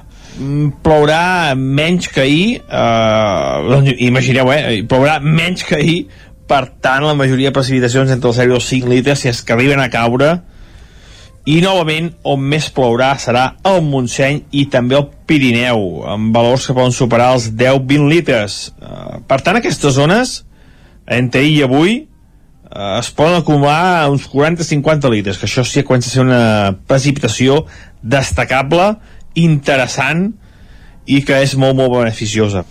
El vent continuarà fent, sent destacable en algunes zones on superarem els 30, 40, 50 km per hora. Les temperatures molt semblants màximes en- entre els 15 i els 20 graus i les mínimes entre els 5 i els 10 uh, poca variació entre el dia i la nit poca oscil·lació tèrmica degut als núvols ha i no ha estat una perturbació freda ni de bon tros perquè ha vingut de, del Mediterrani eh? ha vingut de, de mar de mar cap a sigut marítima cap a terra i no, no, no ha sigut una perturbació que, que ha sigut freda ni de bon tros. El mar encara està una mica calent de temperatura. De fet, totes les, totes les perturbacions que venen de mar no són fredes ni, ni de bon tros, eh? les, que, les que provenen del nord d'Europa. Òbviament sí que són les fredes. O fronts atlàntics també són molt més freds ja que l'Atlàntic eh, no cal dir-ho, tothom ho sap és un mar molt més fred que el nostre que el, que el mar Mediterrani. I això és tot, eh, disfrutar el dia d'avui. Aquesta perturbació encara tindrem a sobre, com he dit eh, fins a fins a mig matí, primeres hores de tarda pot provocar alguna pluja ja de cara a la tarda vespre s'allunyarà i ja provocarà que hi hagi grans clarianes a les nostres comarques. Però fins al vespre encara pot ploure una mica, eh, com deia, precipitacions molt modestes, temperatures molt semblants als d'ahir i avui encara una mica de vent. Moltes gràcies i demà ja explicarem el temps de tot el cap de setmana que ja faci un titular que sembla que serà molt, molt tranquil, bastant Ah, tranquil. val, Podeu bé. una pluja, però no, no. Serà molt tranquil el temps de cap de setmana. Moltes gràcies, adeu. A tu. Doncs vinga, en Pep, que ja ens avança que el cap de setmana no serà passat per aigua, eh? però demà més detalls. Molt bé. Ara anirem cap a l'entrevista. Som-hi, va. Anem-hi. Casa Tarradellas us ha ofert aquest espai. Territori 17. Envia'ns les teves notes de veu per WhatsApp al 646 079 023. 646 079 023. WhatsApp Territori 17.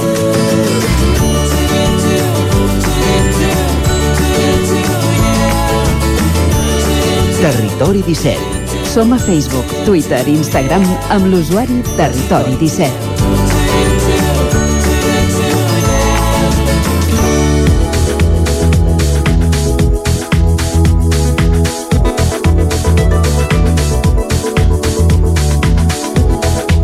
El diumenge 21 de novembre se celebrarà la 42a edició de la mitja marató de Ripoll, que també es coneix com el, el Campionat Internacional d'Atletisme de Fons del Ripollès, una de les proves de més trajectòria i tradició de la comarca, que sempre ha comptat amb esportistes d'alt nivell i que va tenir el seu apogeu cap als anys 90, on va arribar a reunir més d'un miler de participants. En els últims anys la xifra s'ha estabilitzat entre els 400 i els 600 corredors, però ara sembla que torna a revifar. Isaac Muntades, des de la veu de Sant Joan, bon dia. Bon dia, Isaac. Doncs sí, per parlar de la mitja marató de Ripoll tenim al telèfon a un dels seus col·laboradors que ajuden l'organització, en Joaquim Merino, que ens explicarà tots aquells detalls d'aquesta prova, prova tan emblemàtica. Bon dia, Joaquim, i moltes gràcies per atendre'ns. Ara sí, Quim, perdona. Hola, bon dia Bon a dia. tots dos, Isaacs, bon dia. Bon dia, Quim. Uh, des del 2019, a banda de la mitja marató, també teniu la cursa Comte Guifré de 10 km i la cursa Bressol de Catalunya de 5 km de distància, que la complementen. Uh, no sé si creieu, uh, uh, fent tres curses, creieu que és més fàcil atreure més corredors que si només féssiu la mitja, que a més a més és una cursa que per la seva distància doncs, és molt més exigent que les altres dues.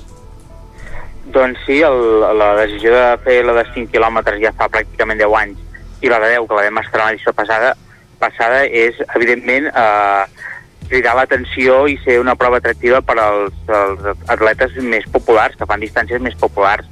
I la distància més popular és la de 10 quilòmetres i vam fer una aposta per, per fer créixer la participació doncs, eh, amb aquestes distàncies que eh, un atleta més o menys preparat eh, es, veu, es veu com a repte per, per fer-ne una cursa. Com tu dius, la mitja marató ja és una distància més sèria que sense ser una marató, sense l'exigència d'una marató, ja requereix un esforç eh, d'una hora i mitja, una hora 45 eh, pe- pels atletes. I no és un traçat fàcil. Vull dir que de Ripoll a Sant Joan hi ha, hi ha alguna pendent que et trenca bastant el ritme i, i fins i tot pe- pels practicants habituals de mitja marató és una mitja marató dura per, aquest, per aquesta orografia. Per això vam decidir fer dos distàncies més populars. Ara parlaves de, dels recorreguts, de fet els recorreguts ja són coneguts per la gent del Ripollès i pels habituals de la prova. Eh, fem un repàs ràpid per on recorren aquestes proves i no sé si hi ha alguna novetat o algun canvi preci- precisament aquest any. Bé, de fet, el, la novetat més gran en recorregut la, es va reimplantar fa 3 anys, que és fer la sortida davant de l'Ajuntament, fer-la plenament circular, perquè abans començàvem en l'extrem del poble, a la carretera de Barcelona, i acabàvem al Pla Ajuntament, i això per la logística dels corredors i de l'organització era més complicat. I vam decidir fer-la 100% circular. Se surt de l'Ajuntament i s'arriba davant del monestir, 100 metres eh, d'allà de la sortida. El, en quant al recorregut, doncs es fa un recorregut primer, se surt de l'Ajuntament, evidentment el primer tram és 100% urbà, 100% dintre vila, i a partir del quilòmetre 3-4 ja anem a buscar la carretera, la Nacional 60, eh, direcció Sant Joan de les Abadeses. A Sant Joan de les Abadeses arribem, és, és, és un trajecte obert, amb bones rectes, eh, transita principalment a, a, a Llera Riu, a vora riu, a 50-100 metres del riu, per tant és una vall que a vegades aquesta vall canalitza una mica d'aire fresc però realment és, és un tram obert, amb vaques al camp al voltant pasturant, eh, la sort de veure pernats pescaires al mig del camp, aquestes aus migratòries tan cridaneres, les veus al costat de la carretera, vull dir, és, és, és bonic, és, és un trajecte bonic. Arribes a Sant Joan, creuem el passeig, el passeig de Sant Joan, que hi ha al mercat, a més hi ha el mercat de, de Sant Manal, i, sí, sí. i hi ha ambient, els corredors doncs, són rebuts amb ambient, donen mitja volta al, al cap del, del passeig, a les, als quatre jardins, que en diuen, i tornen a desfer el camí cap a Ripoll. Mm -hmm. A I baixada, la- els- via. I els altres recorreguts, Quims, en, entenc que són més urbans, eh? Perquè Sí, sí, són el- més curts. La de 5 és plenament urbana, eh, de fet, no li dona temps de sortir ni del nucli urbà de Ripoll, que el, allà a la zona de la Vallaneda, a la zona del, del carril, on comença el carril bici, perquè ens entenguem, ells ja donen la volta i entrem per la carretera antiga de Sant Joan, que ja, ja és urbana. Vull dir, és, una cursa agraïda pels de 5 quilòmetres perquè és una distància popular i a més estan dintre de... És una cursa urbana, com les que poden trobar eh, més en, en àrees metropolitanes que tenen tant èxit. No, no pateixen el rigor del fred o, de, o, del, o del, del vent que pot haver-hi a, la, a la carretera que va a Sant Joan. Mm -hmm. uh, tot just, Quim, les inscripcions es van obrir aquest dilluns, però ja hi ha 312 inscrits, 146 a la mitja, 107 a la 10 quilòmetres i 59 a la 5 quilòmetres, per tant, déu nhi la gent que teniu ja. No sé quants n'hi veu tenir total per al circuit l'any 2019, que va ser l'últim que es va poder celebrar, i quin és l'objectiu per enguany? 2019 vam tornar... Vam, vam en inscrits. Vull dir, des de que vam fer uns canvis organitzatius, li vam, vam fer un giro en la comunicació i en cuidar alguns detalls més eh, que, que estan més d'acord amb, amb com s'entén avui el, les curses de córrer, doncs hem, hem anat augmentant progressivament. Sí, és veritat que amb la, amb la mitja eh, costa molt sumar, primer perquè tenim ja altres dos mitges a Catalunya aquell cap de setmana. A mitges, a, en zones on, on el clima és una mica més agraït que el nostre, que és que no fa tan fred. I això ens, en, ens, tre, en, ens, ens, fa, ens fa competir amb desigualtat. Uh, i, I costa. Però sí que és veritat que fa del 2019 hem incrementat i vam arribar als 530 pràcticament, i si suméssim les curses infantils que es fan al cap de setmana, que a vegades coincideixen en recorregut amb la nostra i a vegades no, doncs ens aproparíem cap als 700. Uh, comptant canalla, eh? vull dir que està molt bé. I aquest any, doncs, uh, les xifres ens, de moment ens, ens fan ser molt optimistes en superar la, la, les de l'any passat, perquè eh, normalment el, el 70% d'inscripcions es fan l'última setmana, el 70%. I si segueix aquesta tendència altres anys, doncs pinta molt, molt, molt bona participació. La mitja l'any passat eh, es va salvar, a última hora es va poder celebrar. Aquest any hi haurà alguna afectació a causa de la pandèmia? No, la- l'any disculpa que et corregeixi, però l'any passat el, el tancament que va d'oci que va de- decretar la Generalitat a principis de novembre ens va deixar fora. Perdona, sí, sí. He llegit malament la, la pregunta i hi havia un no davant. Tens raó. no, no passa res. Uh, aquest any, uh, a veure, la tendència del virus uh, és la que és, sembla que puja, però realment encara no té una afectació gran. Uh, creiem que les mesures de l'administració no seran prou, prou restrictives per, perquè hi hagi canvis significants. Evidentment, sí que a la recollida dorsal s'haurà haurà de ser uh, més pausada, vull dir, no ha el es controlarà l'aforament, mascaretes a l'interior de la recollida dorsal, uh, tot el que és el- l'avituallament individualitzat, totes aquestes coses ja, ja, ja hi són per, per una mica complir la normativa o el sentit comú més que la normativa, perquè probablement la normativa no, no existeix, vull dir, està tan relaxat que hi ha normativa, però sí que eh, prendrem les mesures de sentit comú per evitar eh, situacions de risc. No sé, Quim, si ja teniu alguns corredors d'elit o d'alt nivell confirmats uh, per la prova i, i en quan està la, el rècord de la, de la mitja marató? El rècord de mitja marató ens el va marcar el, el Nan Oliveres, d'Olot, Uh -huh. que el, el convidem, però la seva agenda em sembla que està complicada, uh, i la va fer sobre... Però no, no és una marató, així com veiem mitges maratons que, ra, que ratllen l'hora, l'hora, algunes per sota l'hora, les més importants, l'hora de temps de, total, uh, la nostra, l'orografia de la nostra cursa i el fred fa que sigui un lloc on difícilment s'aconsegueixin marques de, de, de mitja marató potent. Bàsicament perquè hi ha un desnivell de 150 metres que, vulguis que no, els corredors ho noten, aquests 150 metres positius en 20 quilòmetres. I el fred, mm, de vegades, no és la millor situació muscular perquè els, uh, els atletes ho, ho vinguin a donar tot. Uh, sí, estem a una hora 5, que és molt bon temps. Uh, fa, fa, el millor temps en el recorregut és de l'Anna Oliveres i normalment estem entre l'hora 7, l'hora 8, uh, depenent de la competència que hi, ha, que hi hagi entre els primers corredors. Aquest, aquests són els temps que, que hi ha a la nostra mitja.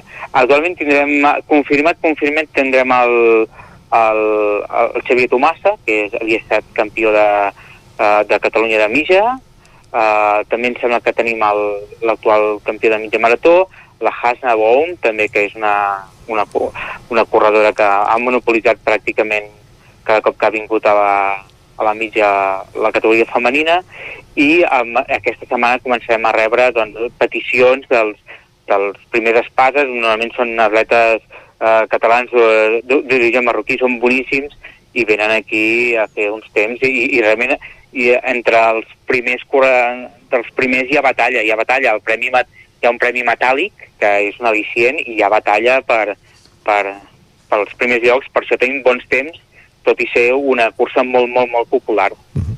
Això serà, com dèiem, el diumenge 21 de novembre, la 42a edició de la mitja marató de Ripoll, que, que recupera després d'un any de no poder-se celebrar.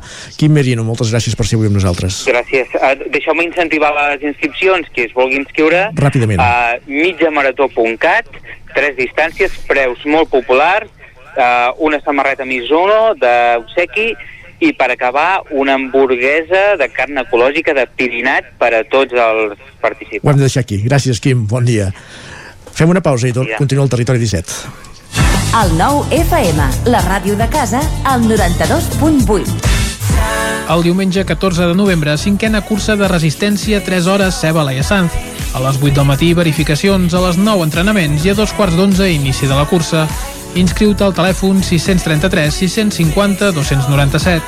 El 14 de novembre t'esperem a la cinquena cursa de resistència Ceba Laia Sanz. Organitza l'Ajuntament de Ceba. Saps què és el confort intel·ligent? És tenir un terra radiant Giacomini a casa. Benestar que no es veu, però es nota tot l'any. I que pots controlar a distància des del teu mòbil, estalviant energia i diners. Suma't al confort intel·ligent amb Giacomini. Informa't a giacomini.es o truca al 93 884 1001 i t'ajudarem a tenir un terra radiant a casa o a l'oficina. Giacomini, la climatització que et mereixes.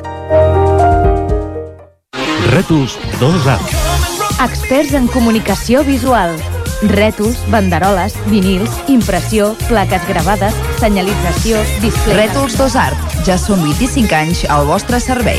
Ens trobareu a la carretera de Vic a Olot, número 7, al polígon Malloles de Vic. dosartvic.com Telèfon 93 889 2588 Cobertes serveis funeraris. Els nostres tanatoris estan ubicats en els nuclis urbans més poblats de la comarca d'Osona per oferir un millor servei. Tanatori de Vic, Tanatori de Manlleu, Tanatori de Centelles i Tanatori de Roda de Ter. Sabem que són moments difícils i per això el nostre compromís és atendre-us en tot moment amb un tracte humà, sensible i respectuós. Cobertes serveis funeraris. Telèfon 24 hores 93 883 23 46. Impremta Mater, el servei de particulars i empreses. Fem catàlegs, llibres, papereria corporativa, targetes, fulletons i també venem material d'oficina i escriptori, bolígrafs, arxivadors, grapadores, llibretes i molt més. Mater Impressors des de 1957. Impremta Mater. Ens trobaràs a la carretera de Sant Hipòlit, número 23 de Vic i a la impremtamater.com. Cocodril Club. Si t'agrada la bona música dels anys 60, 70 i 80, escolta el 9 FM als matins de dissabtes i diumenges d'11 a 1. És el temps del Cocodril Club, tot un clàssic de la ràdio, amb les bases del pop-rock, les llegendes, les cançons que s'han convertit en autèntics himnes. Recorda, dissabtes i diumenges al matí, d'11 a 1, al 9 FM 92.8. Cocodril Club. El programa Revival de l'Albert Malla. Hasta luego, cocodrilo.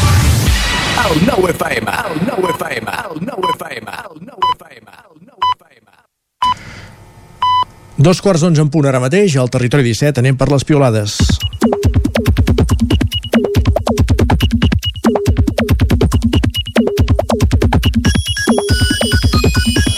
Les piolades... Qui diu Isaac. piolades diu Twitter, oi, amb en Guillem Sánchez? Sí, sí, i diu Guillem Sánchez. Uh, ahir, per cert, en Guillem ens va fer el salt, eh, Guillem? Us vaig abandonar, directament. Però vaja, però ja et tornem a tenir aquí, a peu del canó, amb piolades com sempre, i avui per on van els trets? Avui van per aquest eh, cas d'aquest home que ha estat 35 anys en coma, que es va despertar el 2014 i que ho ha explicat ara en un, en un llibre, i les xarxes com Twitter no han trigat a comentar alguns fets d'aquesta història que tampoc acaben de veure, de veure clars. Per exemple, en Joan diu, molt intrigats a casa pel senyor gallec que va estar 35 anys en coma i en despertar tenia dues filles de 20 anys i pico. Si més no, curiós. L'Helena en aquest sentit tampoc ho veu clar, diu jo també vaig pensar el mateix, tenia 22 anys quan va quedar en coma i la seva dona era la seva nòvia. Alguna cosa no ens van acabar d'explicar gaire bé. En Joan ho resumeix també amb el següent missatge, diu els mals de cap que s'ha estalviat aquest paio mentre que en Ferran té una altra opinió, que és estar promocionant un llibre de poesia. Siguem realistes. És només màrqueting. Podeu deixar de viure el senyor tranquil. Mare de Déu, senyor, com som, tots plegats. Ai, sí, sí, és ben bé. Molt bé, va, seguim. El que tampoc sabem si és màrqueting o realitat és aquesta convenció, aquesta COP26, aquesta cimera que s'està celebrant fins aquesta setmana a Glasgow. Alguns usuaris tampoc ho acaben de veure gaire clar, Jordi Isaac. En el cas d'en Roger ens comenta el resum de la COP26 vindria a ser nens se siente però ens n'anem a la merda, que tampoc calia omplir l'aeroport de Glasgow de jets per dir això. És una Home. opinió que també comparteix molta, molta gent, aquesta. Clar, eh? costa molt resumir 15 dies de ponències i conferències amb un titular de com aquest anem a la merda i segurament que alguna cosa es deu haver tractat amb la intenció de millorar el planeta, no? El que no sabem és si, si s'acabarà aconseguint o no, si tindrà un, un, un impacte real o no. Aquesta és la gran, la gran pregunta. En Bé, aquest sentit, la Neus Normalment, en aquest sentit, no, no cal ser gaire optimista. la Neus hi afegeix senyors rics que van a l'espai i polítics que van a parlar de medi ambient amb jets privats, però la culpa la tens tu, ciutadà ciutadana, per comprar el paquet d'arròs amb l'embolcall de plàstic. O, com diu en Jordi, o del teu cotxe de 15 anys, perquè no et pots comprar un de nou amb la merda de sou que cobrem. Clar, és que això és un altre tema. És que, clar, hem de canviar els cotxes que contaminen, que no sé què, sí, sí, i com el pago, el doncs cotxe donen, nou. donen, donen facilitats, Ah, donen exacte. facilitats, si no, malament. I canviant de tema, finalment Rodalies ho ha acceptat. Aquest dimecres ho escrivia en un tuit, com demostren diverses captures de pantalla fetes per alguns usuaris, perquè el tuit, curiosament, ja s'ha ja esborrat. Escrivia ahir, ahir Rodalies, bon dia, aquest tren avui no circula per indecència tècnica. Disculpes. Indecència tècnica. Indecència tècnica. incidències se'ls hi devia barrejar una mica i van fer un joc de paraules i van acabar la indecència. Està bé. Correcte. Molt bé. Eh, Acceptat. I en aquest, I sen en aquest sentit va, va molt a to el tuit també de la Meritxell que diu algun any TV3 podria dedicar a la Marató a salvar la llengua catalana. En aquest cas no sabem si va ser culpa d'això, eh, del, del, del corrector o d'algú que no acabava de tenir clara la diferència entre indecència i incidència. Home, jo crec que va ser un error allò de picatge, que podríem dir. A vegades, eh, això, passen coses. Salvando. El, Salvant. el subconscient el va trair. Correcte. I qui ens salva pràcticament a diari són les nostres mares, per això l'usuari de l'Espada Mala ho deixa ben clar. Diu, ahir la mare em va portar un iogurt de cabra, avui he conegut una noia que cultiva gerds a Cardedeu, me n'ha portat, tenia xocolata negra i no cal que digui què he menjat avui de postres. Aviam, qui és aquesta noia? Ep, ep, Busquem a Cardeu, la, ja. la nova amiga de, de l'Albert Espadamala. Molt bé, va.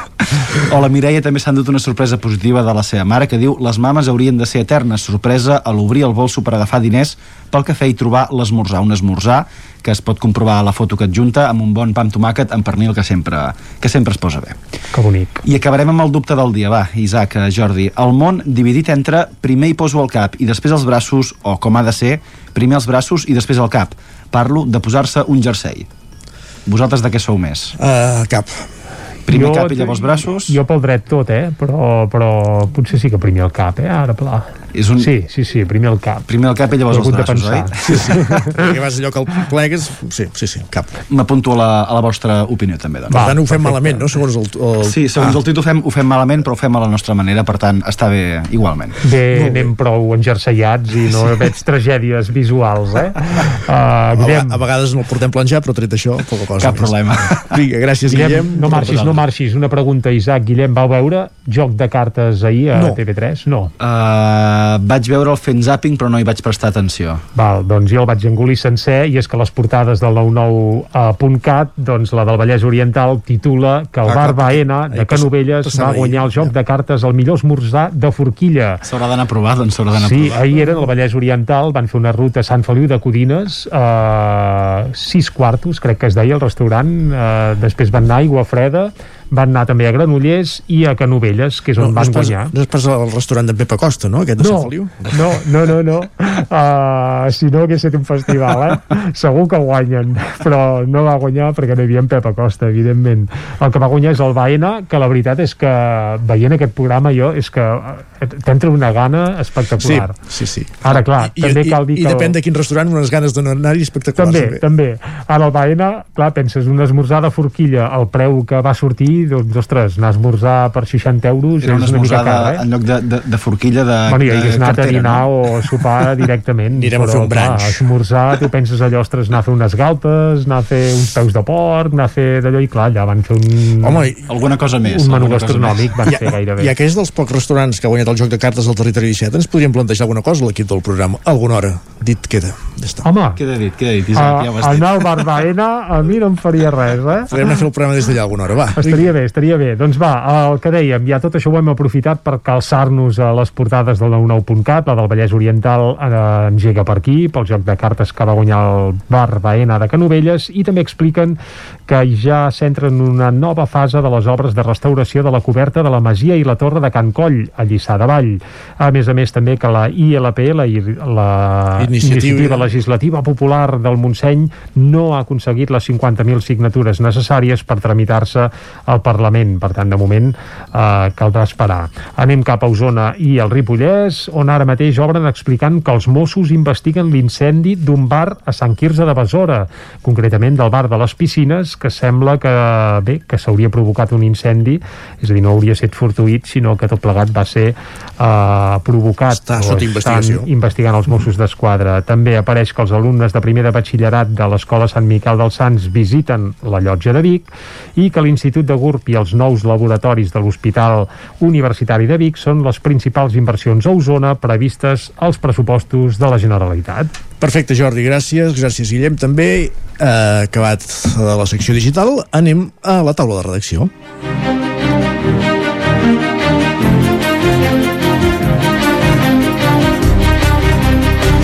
I avui a la taula de redacció en companyia d'en Guillem Freixa i de la Txell Vilamala.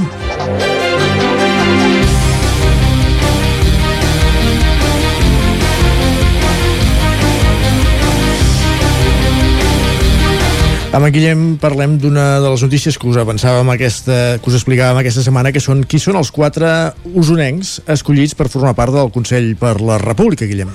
Sí, hola, bon dia. Aquestes eh, eleccions que es van fer la setmana eh, passada, recordem que hi havia eh, dues urnes per escollir aquests representants de l'Assemblea del Consell per la República. D'una banda, la urna de representants polítics, en què s'hi podien presentar persones vinculades principalment a la política municipal, també alguns polítics de, de primera línia de la Generalitat, i després una urna ciutadana en què qualsevol ciutadà eh, podia optar, eh, sent membre del Consell per la República, doncs podia optar a entrar a aquesta assemblea.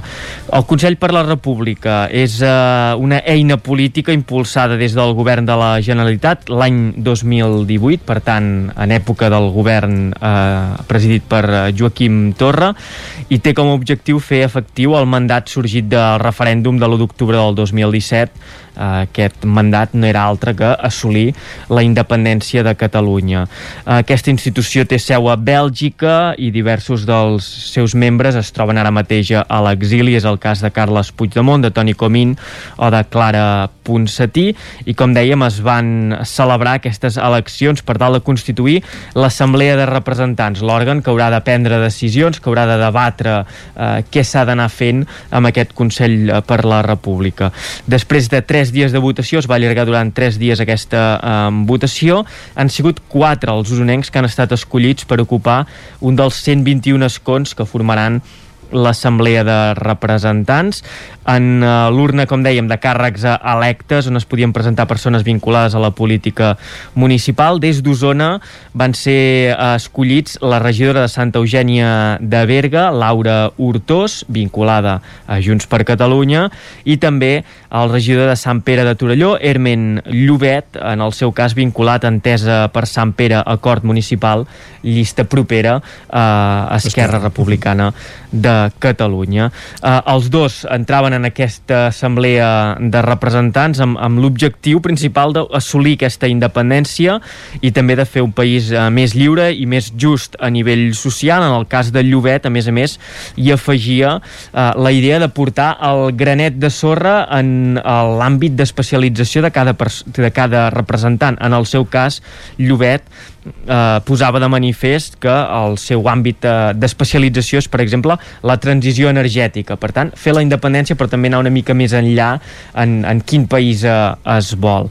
D'altra banda, en aquesta segona urna, amb llistes obertes i on qualsevol ciutadà inscrit al Consell per la República s'hi podia eh, apuntar, han estat escollits Eulàlia Sirvent i Carles Furriols, tots dos veïns de la ciutat de Vic. Eh, Sirvent el que posa en, en relleu o que posa eh, l'accent és en aquesta singularitat d'obrir la política a la participació ciutadana i veu una oportunitat de recuperar l'esperit de l'1 d'octubre, eh, un, en què la ciutadania va agafar una mica eh, la bandera, va posar-se al capdavant de, de, de la situació i ho va liderar. D'altra banda, Carles eh, Furriols històric activista a la comarca d'Osona, al capdavant d'un munt d'iniciatives eh, pels drets socials, també per al reconeixement de Catalunya com a estat independent, remarcava que eh, permet fer xarxa aquest Consell per la República i a més a més fer-ho sense les grapes de l'estat espanyol, ell, ell deia, perquè com dèiem això, eh, la seu és a, a Bèlgica i queda eh, en un marc fora de, de l'estat eh, espanyol. Per acabar, dic que eh, el Consell per la República, en el moment de fer les votacions, hi havien 101.466 persones registrades i en aquestes eleccions hi van participar 22.584 eh, votants, el que representa un 26% del total del cens. En les properes setmanes han d'anar eh, definint eh, els passos per trobar-se tots aquests eh, eh representants d'aquesta assemblea i anar definint quin és el full de ruta d'aquest Consell per la República. Doncs estarem amatents. Gràcies, Guillem.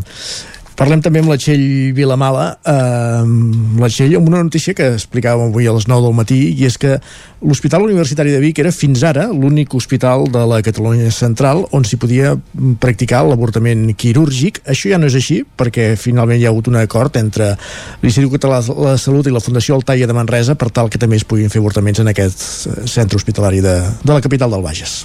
Exacte, Isaac, bon dia. Com molt bé dius, ara eh, les dones que volien practicar una interrupció voluntària de l'embaràs, en molts casos, o en alguns casos és necessari que això sigui per via quirúrgica, a la Catalunya Central només tenien l'opció de fer-ho a l'Hospital Universitari de Vic.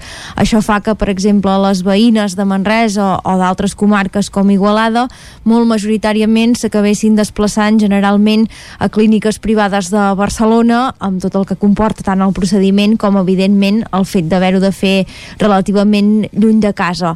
Uh, fa poques setmanes el Servei Català de la Salut, que fa temps que hi treballava, va arribar a un acord amb la Fundació Altaia de Manresa i a partir d'ara també hi haurà aquesta prestació estació en cartera a la capital del Bages eh, ens explicaven que el CatSalut s'encarregarà de designar els equips assistencials que portaran a terme aquestes interrupcions, mentre que la Fundació Altaia, per la seva part, eh, hi posarà els espais. Tot això ens va servir per fer una mica de radiografia de què passa amb les interrupcions voluntàries de l'embaràs. Aquesta pràctica va a l'alça tot Catalunya. Uh, vam fer una revisió des del 2005 fins al 2019, uh, just per donar un parell de dades. A tot Catalunya, per exemple, el 2005 hi havia hagut uh, 18.434 interrupcions voluntàries de l'embaràs. Uh, L'any 2019 gairebé es van arribar a les 22.000 per tant, uh, un augment d'unes 4.000, això, amb, amb 15 anys. En el cas d'Osona, el 2019 n'hi va haver 421, el 2005 n'havien set uh, 239. Llavors ens vam fixar uh, en què ha de fer una dona si pren la decisió que vol avortar voluntàriament o si es dona una circumstància que hi ha una malformació del fetus o que continuar amb la gestació uh, pot suposar un risc per la, per la mare. En la majoria de casos, la premissa, vaja, la, la primera premissa per entrar dins del circuit i en contacte amb el sistema de salut és posar-se en contacte amb el CAP, amb la llevadora, que s'ocupa de recopilar tot l'historial de la pacient, eh, practicar les proves que faci falta i llavors informa les dones sobre les possibilitats que tenen. Eh, si els embarassos no han superat les 9 setmanes, eh, generalment es pot avortar per via farmacològica, això vol dir eh, prenent-se unes determinades pastilles. Això es gestiona a través de l'equip d'atenció a la salut sexual i reproductiva, que en el cas d'Osona eh, té la seu al CAP Osona, a la plaça de la Divino posturo. I en cas contrari, que la gestant hagi superat ja aquestes 9 setmanes, eh, sí que cal anar per la via quirúrgica. En el cas de l'Hospital Universitari, que com dèiem fins ara era l'únic de la Catalunya Central on es podia avortar eh, per aquesta via, eh, s'adorm la pacient, es dilata el coll de la matriu i es fa un raspat i una aspiració. Generalment no cal ni tan sols que les dones eh, arribin a ingressar al centre, ja que es tracta d'una cirurgia major ambulatòria i per tant no, no requereix llit. Llavors vam fer l'anàlisi de, de què pot portar les dones a prendre una decisió com aquesta. Vam parlar tant eh, amb representants del Departament de Salut com també eh, de la Diputació de Barcelona que fan diversos estudis relacionats amb eh, natalitat i fecunditat. Ens deien que evidentment cada cas és únic, eh, un compendi de factors que al final acaben sent personals, del moment que viu eh, cada dona, però també de l'entorn social, dels condicionants econòmics. Sí que ens deien eh, que que grans trets normalment hi ha una tendència que els cicles econòmics negatius, en moments de crisi, hi hagi un augment eh, de les interrupcions voluntàries de l'embaràs, però com diem, eh, això és una gran tendència i llavors no serveix per explicar cas a cas. També ens deien que hi ha diferències significatives entre eh, les dones nascudes a Catalunya i les que són residents al país però que han arribat des d'altres punts, ja que en els col·lectius de nou vingudes normalment eh, s'arriben a practicar més interrupcions voluntàries de l'embaràs embaràs. I, I ja per acabar, llavors ens vam fer la pregunta de què passa també en el cas que una noia que sigui menor d'edat eh, uh -huh. prengui la decisió d'avortar de, voluntàriament. Ens vam documentar i informar consultant-ho també amb el Departament de Salut i ens explicaven que si aquesta noia eh, té 15 anys o menys, sempre necessita el consentiment informat eh, dels seus pares o representants legals. No hi ha altra manera de fer-ho, almenys eh, per la via pública i, i legal i ben reglada.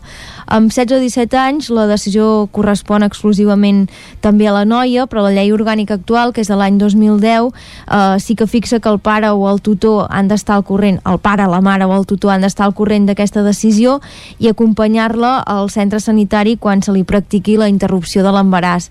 Només és possible eh, saltar-se aquest requisit quan la menor alega fundadadament, és a dir, quan es pot demostrar que haver d'informar la família doncs, li podria provocar un conflicte greu eh, en forma de violència intrafamiliar, amenaces, coaccions, maltractaments o una situació de desemparament o desarrelament.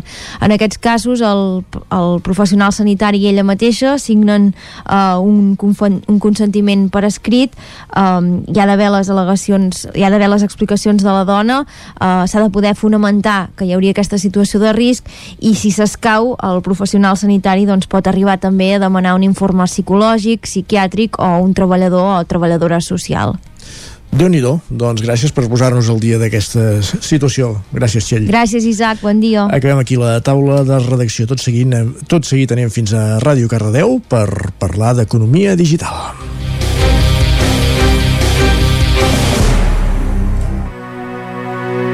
Territori 17 el 9 FM, La Veu de Sant Joan, Ona Codinenca, Ràdio Cardedeu, Territori 17.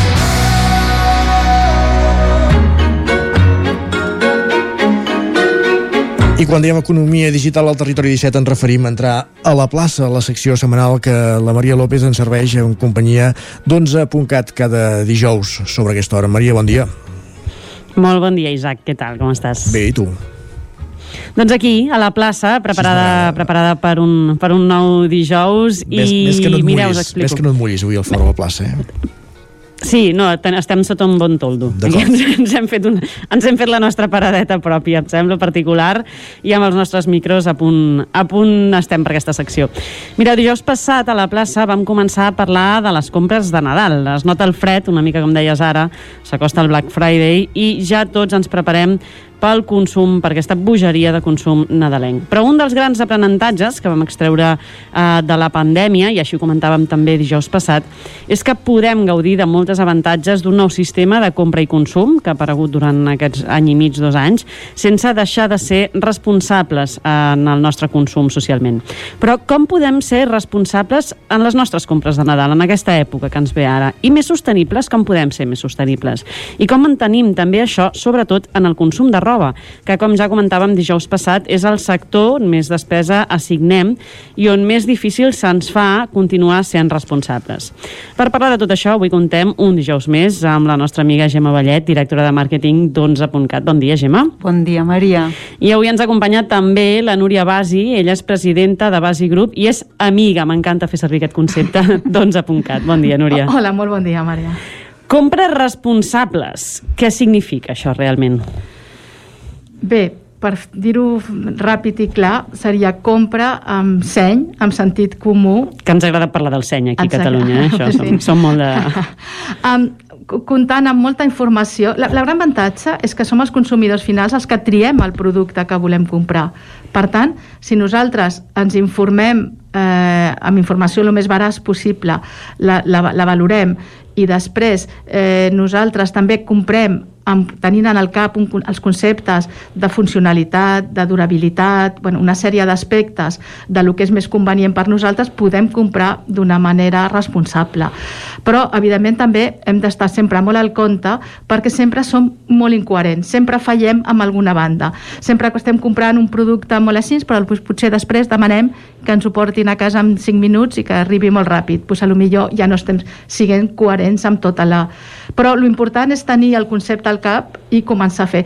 Jo sempre recordo una frase molt que va dir la Vivian Westwood, la dissenyadora britànica molt prestigiosa, que va dir, va dir eh, sempre va dir compra, compra, compra, compra el que t'agrada, usa-ho i després eh, que et duri molt, o sigui, que sempre ho, ho, ho puguis, que ho compris amb seny, diguem-ne, perquè et duri molt, molt de temps.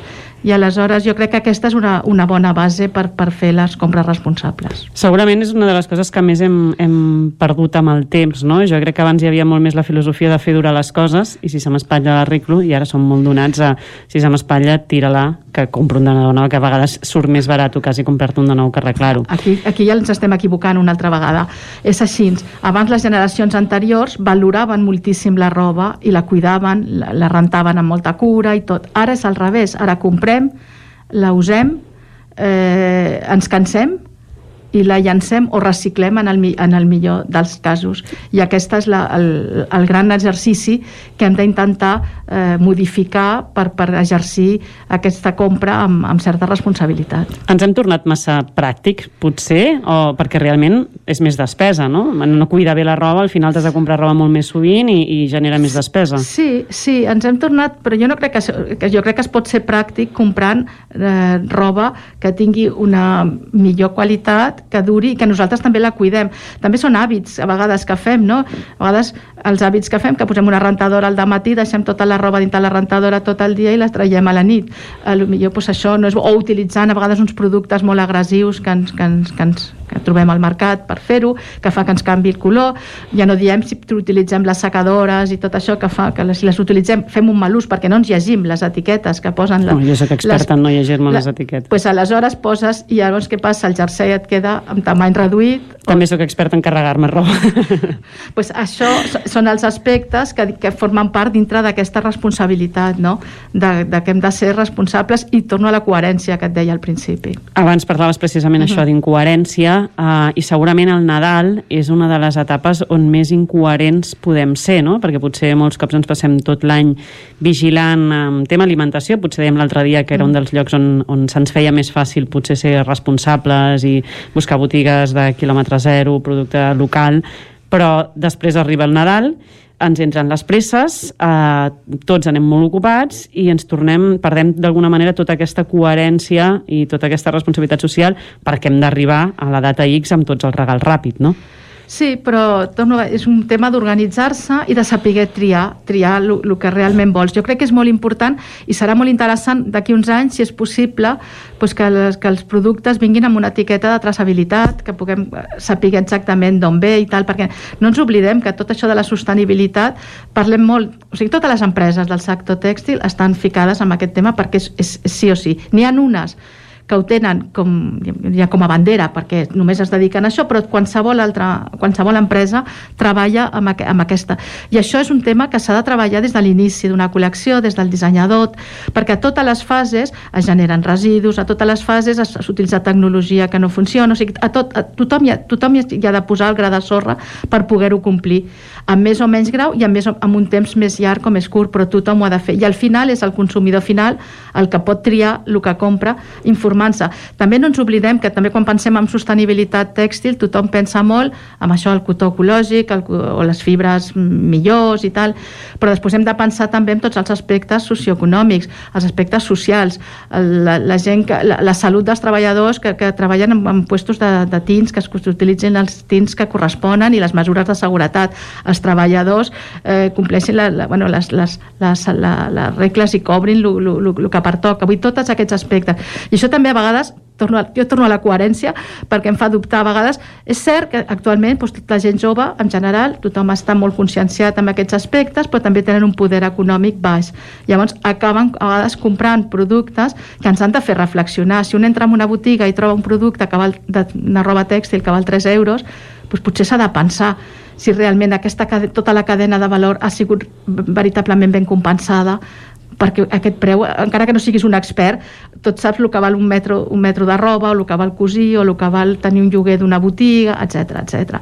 Llavors són tot aspectes que ens han de fer pensar. I també com a consumidors podem també practicar això, que no, no sé dir una altra llengua perquè ho diuen en anglès, és que és l'upcycling. L'upcycling ens permet que productes que ja tenim a casa, si són manetes, potser els, els sabem reconvertir en un altre tipus peça de roba, o simplement, si no som tan manetes, doncs els podem combinar d'una altra manera, afegir un petit, un petit detall o algo, i ens representa com si portéssim una, unes peces noves. I després, si no, donar-li un segon ús a aquella peça de roba, donar-li, a part de que la puguis reciclar, perquè tot el de reciclar, clar, la idea per mi més bona és el que les empreses, produir menys, les empreses haurien de produir menys i millor, de més qualitat. De més qualitat, millor, i, i seguint totes les condicions, i utilitzar les matèries i els colorants i, les, i la tecnologia per produir els efectes en, en els productes perquè no siguin tan agressives pel, pel medi ambient, i després els, per part dels consumidors doncs, consumir més, més, més raonablement, més, més pensant en tots aquests, en, en tots aquests aspectes, no? Però portem, com deies tu molt bé al principi, molts anys que, que, que, que ens posen al consum. I, per exemple, a mi, una de les coses que tampoc és reciclar, portes tu a una botiga una peça i la deixes, però clar, te n'emportes dues i en deixes una. Llavors, no sé, no sé. Llavors què, què es fa amb totes aquestes peces? Reciclar-les també és molt car. Mm, no hi ha tanta necessitat de, de, de, o fer-ho arribar a un altre país o a un altre lloc és, és car. O sigui, que tot és... L'ideal seria que, no, que produíssim lo just i que no haguéssim de reciclar pràcticament res amb les matèries correctes, no?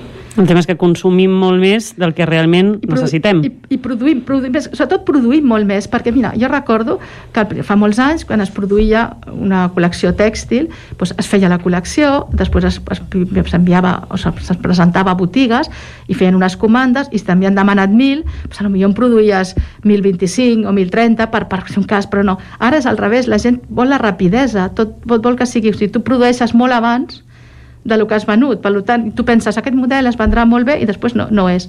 Pues et sobren molt, molt gènere. Llavors, què es fa amb tot això? I això és, és un altre... És, per això et dic que tothom, a tots els nivells, tothom ha d'actuar per, per, per millorar-ho, perquè si, no, no, no és tema d'uns, no és tema només de les empreses, no és tema... És de tots, tot, tot, de tots els, els, els glaons de la cadena. Ara que estem a les portes de, de Nadal, no sé molt bé quins consells podríem dir a nivell de consum per intentar mantenir aquesta, aquesta responsabilitat social. Bueno, això és, és informar, o sigui, fer-te un pla del que vols comprar. com Fer-te un pla, primer, és com- planificar és bé. com quan vas al supermercat. Si tu vas al supermercat sense cap pla, compres el que no Fatal. toca. Si tu vas amb la llista, vas molt millor. Doncs tenir la llista. La llista, saber quin tipus de producte i saber eh, informar-te, perquè la veritat que ara tenim molta informació dels productes. Evidentment que encara no és completa ni, és la, ni està tot, però sempre hi ha més i, i llavors saber triar i saber la teva opció, si vols comprar alguna cosa d'usar i llançar o vols comprar alguna que tingui més, més durabilitat i que ho puguis utilitzar més, més temps. I a partir d'aquí pues, pues, pues, eh, fer-ho és que, és que no. És, és fàcil trobar quines, per exemple, el tema tèxtil, que és el que més parlàvem ara, i el que dèiem que, que és on s'anava la majoria de consum de, de Nadal, és fàcil trobar quines empreses són socialment responsables Home, en aquest sector? hi ha molta informació. L'altra cosa és que tot sigui... És que, és que com no hi ha una norma escrita clara de què vol dir una peça sostenible, o sigui, una peça, diguem-ne, sostenible, vol dir que, que sí que ha tingut cura sobre els efectes mediambientals o, com et deia, sobre els efectes socials i tal. Però, però no hi ha una mesura exacta. Llavors, hi ha gent que fa una petita... Una, pot tenir unes, unes quantes peces de la col·lecció, no es, pot tenir, no es té tot, sinó unes peces, algo que... I llavors tu has de decidir tu mateixa que, que, que, que, que, que, per on optes. Evidentment, a dia d'avui, en general, tot el que és eh, sostenible és més car. Si tu fas produccions locals, si fas produccions més a prop... És que després hauríem de parlar del transport, l'eficiència del transport. O sigui, ens hauríem d'acostumar a, a practicar la paciència. No pot ser que quan, volem, quan volem una cosa volem que al cap d'un moment tenir-la tenir a casa, no? Llavors, pues, Estem amb l'època de l'immediatesa, això hem parlat Sí. moltes vegades. Ens hem acostumat avui això i demà ho tinc. pues això seria una altra cosa que hauríem d'aprendre, pues si hi ha unes rutes, pues si el dilluns passen per Cardedeu i el dimarts passen per Barcelona, pues, pues ens haurem d'esperar el dilluns que ve perquè ens arribi la peça, a lo millor, per ser menys, me- menys, menys eh, per ser més eficients i menys eh, que, que no, que no, per, no, que no produïm pol·lució, més pol·lució de la que toca, no? Perquè, de fet, la indústria de la moda és una de les que més contamina. Sí, sí, després del transport aeri. Eh, Directament, eh? Passem del transport aeri a la indústria de la sí, moda. per la quantitat, pel volum i per tot el que fa, i per tot el que fa, perquè, bueno, això les Nacions Unides, hi ha uns informes de Nacions Unides que ho expliquen molt bé i és un dels objectius importants de Nacions Unides, perquè, vulguis o no, el tema de fer roba és, és, és el primer esglaó a, a qualsevol país en desenvolupament, és, és el primer, abans de posar-se a poder fer tecnologia, cosir o fer... Però clar, segons quins països, encara que a vegades fa amb, amb unes condicions eh, menys eh, correctes, no? Hi ha un concepte del que em parlàveu abans, us podeu aclarir una miqueta en què consisteix, que és l'eslow fashion, no sé fins a quin punt aquest concepte. Ens el podeu explicar si és una solució? Bueno, l'slow fashion com a entrada, com, com a concepte, és fantàstic, però clar... És, Què, què és exactament? Bueno, és l'antítesis de lo que en diríem el fast fashion, per entendre's. La, el fast fashion és la, la moda aquesta ràpida que es produeix eh, abans de, el que estava dient, abans de, abans de vendre's i, i que es va produint en, en fase a el que tu preveus que pots vendre i llavors ho poses molt ràpidament al mercat. El slow fashion seria produir, en principi, complint més uns criteris sostenibles millors, amb més qualitat, amb quanti... normalment és amb quantitats més petites i es fa d'una manera més responsable. Però també t'haig de dir que, que la slow fashion eh, vendria a ser com, com la cuina. Jo soc bastant mala cuinera, puc comprar les, les millors matèries primes i quan les poso juntes a la cuina em sortirà un desastre. Vull dir, jo puc fer una slow fashion molt dolenta si no compleixo tots els altres criteris. Puc fer lent, puc fer crear, però si no compleixo tots els altres criteris de sostenibilitat i, i, i, i, i utilitzo les matèries que toquen i ho faig bé, llavors a vegades què passa? Que produccions locals estan molt bé, però aquí, per exemple, el nostre país ens ha passat que com els últims 15 o 20 anys totes les produccions es feien fora, han desaparegut molts molts nivells de la cadena de producció que no existeixen, que no existeixen tallers que, que facin algunes tipus d'activitats. Llavors fa difícil tornar a cosir, sí que es pot fer, si tu compres el teixit, gent que cus n'hi ha, però determinades qualitats d'alguns de fer alguns tipus de, de producte doncs han desaparegut perquè, perquè no existeixen. Tornar-ho a muntar ho veig difícil.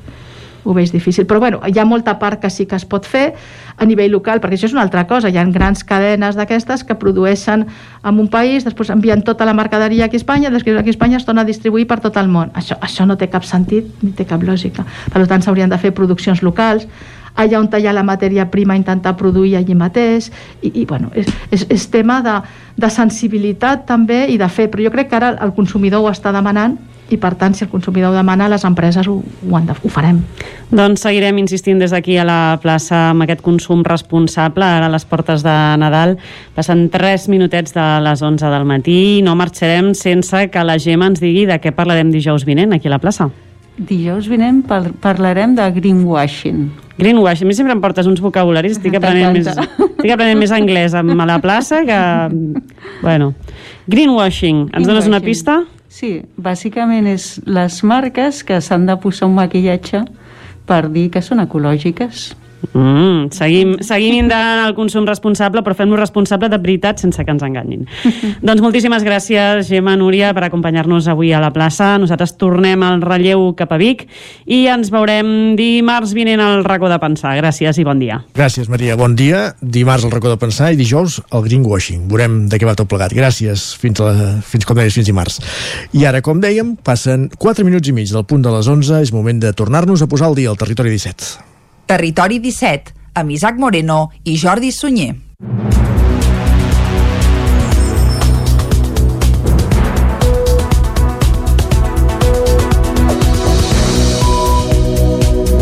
Abans d'acabar aquest any han de començar les obres a les dues adoberies que l'Ajuntament de Vic va comprar per rehabilitar-les. S'hi crearà un centre d'interpretació del món adober i espais que es puguin destinar a coworking, tallers o oficines. El projecte ha de servir per recuperar tota aquesta zona de la ciutat. L'Ajuntament de Vic ha aprovat definitivament el projecte per rehabilitar les dues adoberies que el consistori va adquirir, les que estan situades més a prop del pont de Caral, conegut com el pont romànic. El projecte definitiu incorpora els informes de l'Agència Catalana de l'Aigua, els bombers i el Departament de Cultura, que han suposat algunes modificacions, com per exemple en els tancaments. En la rehabilitació també s'aplicaran materials i sistemes per reduir les emissions de CO2. Fabiana Palmero és la regidora d'Urbanisme de l'Ajuntament de Vic. Rehabilitar-les per convertir-les en un centre d'interpretació del passat industrial adober de la ciutat i eh, amb espais diàfans que es puguin adaptar a diferents usos que pugui tenir l'adoberia, com per exemple espais de treball compartit, eh, tallers, eh, sales polivalents, espais eh, creatius, eh, oficines, etc. Aquest projecte que és tan important per la ciutat i que esperem que si, eh, serveixi de, de punt d'inici per rehabilitar eh, tota aquesta zona del carrer de les Sadoveries, tant d'una banda com de l'altra del riu. Tots els grups de l'oposició al consistori biguetà donen suport al projecte. Esquerra Republicana i Capgirem destacaven la tasca feta anys enrere pel moviment Salvem les adoberies. Escoltem per aquest ordre a Maria Balasc d'Esquerra i a Marc Camacho de Capgirem Vic. Com una part de la societat que va sortir anys enrere, que eren els Salvem les adoberies, eh, gent d'altres mm, altres polítics que mm, van obrir les adoberies per la ciutat perquè la gent les pogués anar a veure i per tant estem contentíssims de que això es porti a terme i que, i que es tiri endavant. Que la lluita que es va aconseguir fa uns anys al carrer però també enfront al govern municipal del moment que les volien derrocar i fer-les desaparèixer al final ha acabat donant bons resultats. No podem però encara felicitar-nos del tot encara, perdó. Fins que evidentment no veiem tot el conjunt històric de les adoberies acabat. Abans d'acabar aquest 2021 ha de començar la primera fase de les obres amb la consolidació del sostre de la planta soterrani. La part central de la rehabilitació s'iniciaria a finals del primer trimestre de 2022 amb un termini d'execució de 18 mesos. L'import total del projecte constructiu, que no inclou la musografia, s'acostaria als 2.700.000 euros. El pressupost de l'Ajuntament de Vic de l'any que ve preveu destinar a les adoberies 1.700.000 euros. La Generalitat ja ha adjudicat les obres per millorar la connexió de Mollet i Martorelles amb la C-17. Si es compleixen els terminis, les obres podrien estar acabades a finals de 2022. Núria Lázaro, des de Ràdio Televisió de Cardedeu. La Generalitat preveu que les obres per millorar la rotonda de la Vinyota i l'accés al polígon de Martorelles tinguen una durada d'11 mesos. Finalment, l'adjudicació dels treballs preveu una despesa de gairebé 1.900.000 euros. Mitjançant aquestes obres s'aconseguirà que molts vehicles que volen accedir a la C-17 o a Martorelles no hagin de passar per Mollet.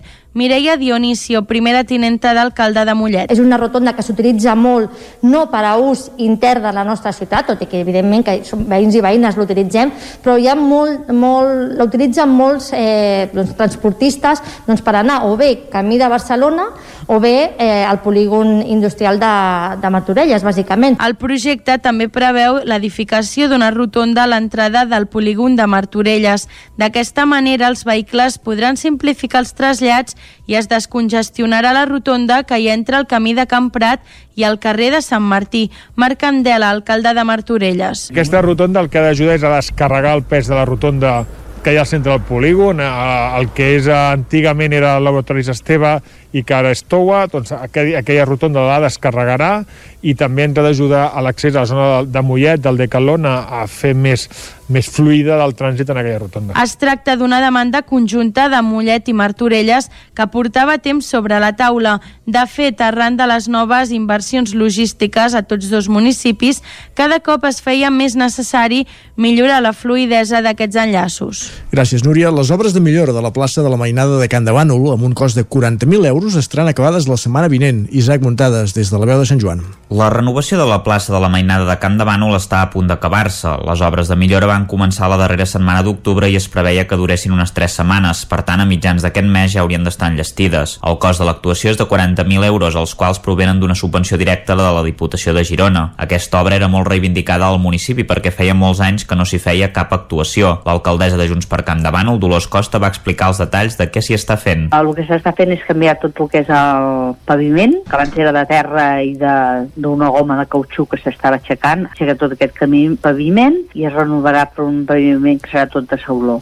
I llavors s'han retirat també totes les estructures infantils que hi han i es renovaran per, per estructures noves. Finalment, doncs, també es canviaran els bancs i s'arreglarà i s'adequarà tot una mica de la zona, les, el que són les valles. Per ara no s'hi posarà cap joc adaptat, però més endavant l'Ajuntament sí que voldria instal·lar-hi algun joc inclusiu. El consistori creu que la plaça de la Mainada és un lloc de trobada social molt important tant de pares com de nens a les hores de sortida de l'escola durant gairebé tot l'any i estava en un estat molt lamentable i defectuós, a més de tenir alguna mancança de seguretat que posava en risc a la mainada. També cal recordar que al seu voltant s'hi ubica el mercat municipal dels dimarts al matí o algunes fires del municipi com la de Nadal, a més d'acollir la majoria de les atraccions per la festa major. Pluja de medalles als formatges del concurs World Cheese Awards per a formatgeries del territori 17. 5 per Batara d'Olost, 5 per Masgaret de Tona, una per Mube de Ripoll i 6 per Montbrú del Moianès, que era el campàs des d'Ona Codinenca. Formatgeries Montbrú S.A. ha rebut 5 medalles de bronze i una de plata en aquest prestigiós certamen internacional del món del formatge. Aquests reconeixements s'afegeixen al que va rebre el 2019, l'or pel millor formatge de pell florida del món, el Serró de Cabra. En aquesta última edició, en total, van presentar al concurs 10 tipus de formatges diferents dels que n'han sortit guardonats 6. En parla en aquest sentit Martí Padrisa, de Formatges Montbrú. Que vam presentar 10, vam presentar 10 productes i d'aquests doncs 6 han tret medalla. Serró de cabra, bronze. El garrotxa de cabra, bronze. El suau de búfala, bronze. El serró de búfala, bronze. I llavors ens queda el tou de búfala, que també té bronze, i el curat de cabra, és plata. Al certamen es presenten en total uns 4.000 formatges d'arreu del món i se n'escullen els 16 millors. Tot i que enguany no han aconseguit l'or, la seva valoració és molt positiva. No, està bé, està bé, no, però és clar, no, és allò que diem, no? sempre volem més, sí. però treure 6 medalles de, de 10 eh, és, és una bestiesa, o sigui, mm. gairebé treure medalla amb tot el que surt, no? llavors està bé. Seguim, seguim aportant qualitat al mercat, per tant, això no hi ha, no hi ha dubte. Formatges Montbrú és una empresa familiar que es va constituir l'any 1989, prenent de referència el nom de la masia que va donar origen a la formatgeria. Fins al 9 de gener de l'any que ve es pot visitar l'exposició del centre, que el Centre d'Arts Contemporanis de Vic ha dedicat a la figura del fotògraf Manel Esclusa. La mostra rebassa els 40 anys de trajectòria de l'artista per diferents àmbits i és també la manera de commemorar els 10 anys de vida de l'Espai Cultural Biguetà. La trajectòria fotogràfica de Manel Esclusa queda recollida en quatre espais expositius de Vic en una mostra que serveix com a homenatge a la seva figura i alhora com a motiu de celebració dels 10 anys del Centre d'Arts Contemporànies. El que va començar com un aprenentatge més a casa, de la mà del seu pare, s'ha acabat convertint en una professió de quatre dècades, amb treballs que es mouen en diferents àmbits. Manel Esclusa. normalment una retrospectiva es fa quan ja algú ja no hi és, no? I aquesta ja és la segona que em fan i jo espero que no, que encara n'hi hagin més llavors, no? que hi hagi continuïtat i que la tercera no sigui la vençuda. Uh, per altra banda, el fet de que l'ACVIC uh, per celebrar el seu dècim aniversari d'existència i de resistència que decideixi presentar el meu treball o els meus treballs pues, m'honora i, i em fa feliç. L'exposició que porta per títol El llegat de la llum compta amb imatges de tota la trajectòria de Manel Esclusa, un fotògraf que sempre s'ha identificat més amb l'obscuritat, tot i reconèixer que la llum és un element necessari i imprescindible. L'escoltem. Jo inicialment sempre m'he plantejat més des de l'ombra o des de l'obscuritat i la llum sempre és aquell punt de referència que eh, ens mostra aquest espai infinit que és l'obscuritat. És a dir, no podem ser conscients de l'obscuritat si no tenim un punt de llum de referència. A més del Centre d'Arts Contemporànies, on s'exposen treballs que tenen a veure més amb la natura, l'exposició també té continuïtat a l'Escola d'Art de Vic, al Temple Romà i al Museu de l'Art de la Pell. Allà s'hi troben treballs amb les correspondències amb altres fotògrafs, també amb escriptors i artistes i experimentacions, com les imatges del propi cos d'esclusa aconseguides a Montac. El llegat de la llum es podrà veure fins al pròxim 9 de gener de 2022. Gràcies, Jordi. Acabem aquí aquest repàs informatiu que hem fet per tot el territori Territori 17 en companyia d'Isaac Muntades, Caral Campàs, Núria Lázaro i Jordi Sunyer. Una petita pausa molt breu i entrem a l'espai d'alegria interior. Ja ens espera en Jordi Soler.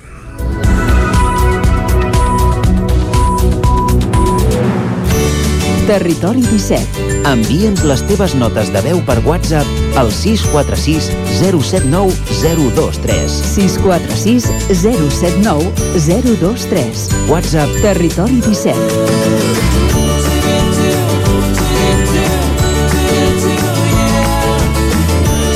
Territori 17.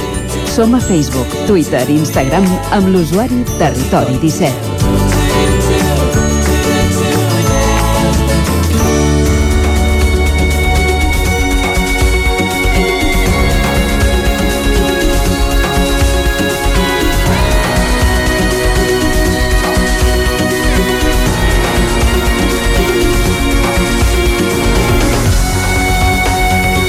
Passa gairebé un minut d'un quart de 12 del migdia i ens acompanya ja al Territori 17 en Jordi Soler, que amb qui cada 15 dies parlem de, de PNL, de Mindfulness en aquesta secció L'Alegria Interior. Jordi, bon dia. Molt bon dia.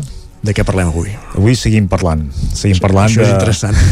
Malament si no ho féssim. D'aquesta temàtica nostra, que compartim, com deies tu, fa cada 15 dies, i que vam decidir enfocar-la cap a la comunicació amb la nostra part inconscient, eh? cap a aquesta part més inaccessible nostra i vam fer una mica un repàs del joc interior del Timothy Galway que dèiem que quan centrem la nostra atenció en una cosa potser més banal, eh, ens desenvolupem millor amb la nostra part natural. Eh? Allò del joc del tennis, quan estem centrats en les cabòries no juguem bé, quan dediquem els nostres pensaments a una rutina, es desenvolupa el nostre coneixement més natural, el jo número 2, no? Era una forma de connectar amb l'inconscient. Vam parlar també dels de somnis, eh? Correcte. Fa 15 dies eh, recordem que vam dir que una de les maneres d'accedir a aquesta informació més amagada que tenim és eh, fer un treball a través dels somnis, que hi posem poca atenció, desconeixem, que és una forma, diguéssim, de, bueno, de connectar, de rebre, d'aclarir a vegades conceptes que no acabem de trobar una explicació lògica i que la informació en forma moltes vegades metafòrica ens arriba a través d'un somni. Si el sabem utilitzar, si el sabem llegir, eh, si el sabem interpretar i dèiem que era una cosa molt personal. La interpretació d'un somni no és una cosa que puguem obtenir en un llibre o, o per part d'algú.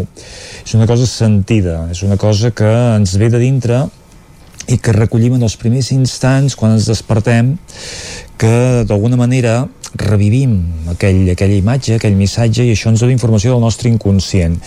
Avui farem eh, o establirem, diguéssim, una nova manera de connectar amb aquesta part, que és a través de la hipnosi. Ep, paraula clau. La hipnosi. Isaac, amb tu la paraula hipnosi què, què t'aporta? Què, què et diu? Eh? Què és la primera imatge, el primer que t'arriba quan algú et parla d'hipnosi? Ho dèiem al sumari a les 9 del matí, jo, hipnosi em recorda una imatge de quan tenia 14 anys, viatge final de curs a Mallorca, en una discoteca, la discoteca Babalú, que enmig de la pista va aparèixer un senyor i va hipnotitzar una, una noia que hi havia allà a la discoteca. És el record que en tinc. I segurament dius, ostres, aquella noia doncs potser va quedar una mica d'evidència, allò que vas No, per no, despetat, no, no, quedes aclaparat en aquell moment per veure com funciona això, senzillament. No, no, només que la noia queda en evidència és allò com, com s'ha fet aquest home per fer això. I, I què més et diu? Què més et diu? O sigui, posa't la pell d'aquella noia. No, que, que, que eh, fa fredat el fet de que no puguis dominar-te tu mateix, senzillament Ah, és això. Clau, eh? perdre el control una mica el que ens espanta, el que ens fa por és la pèrdua de control i això és una imatge falsa moltes vegades reflectida inclús a, través de, de les pel·lícules eh? Vull dir, jo no fa pas gaire vaig veure una pel·lícula em sembla que era hipnòtic o nom així eh?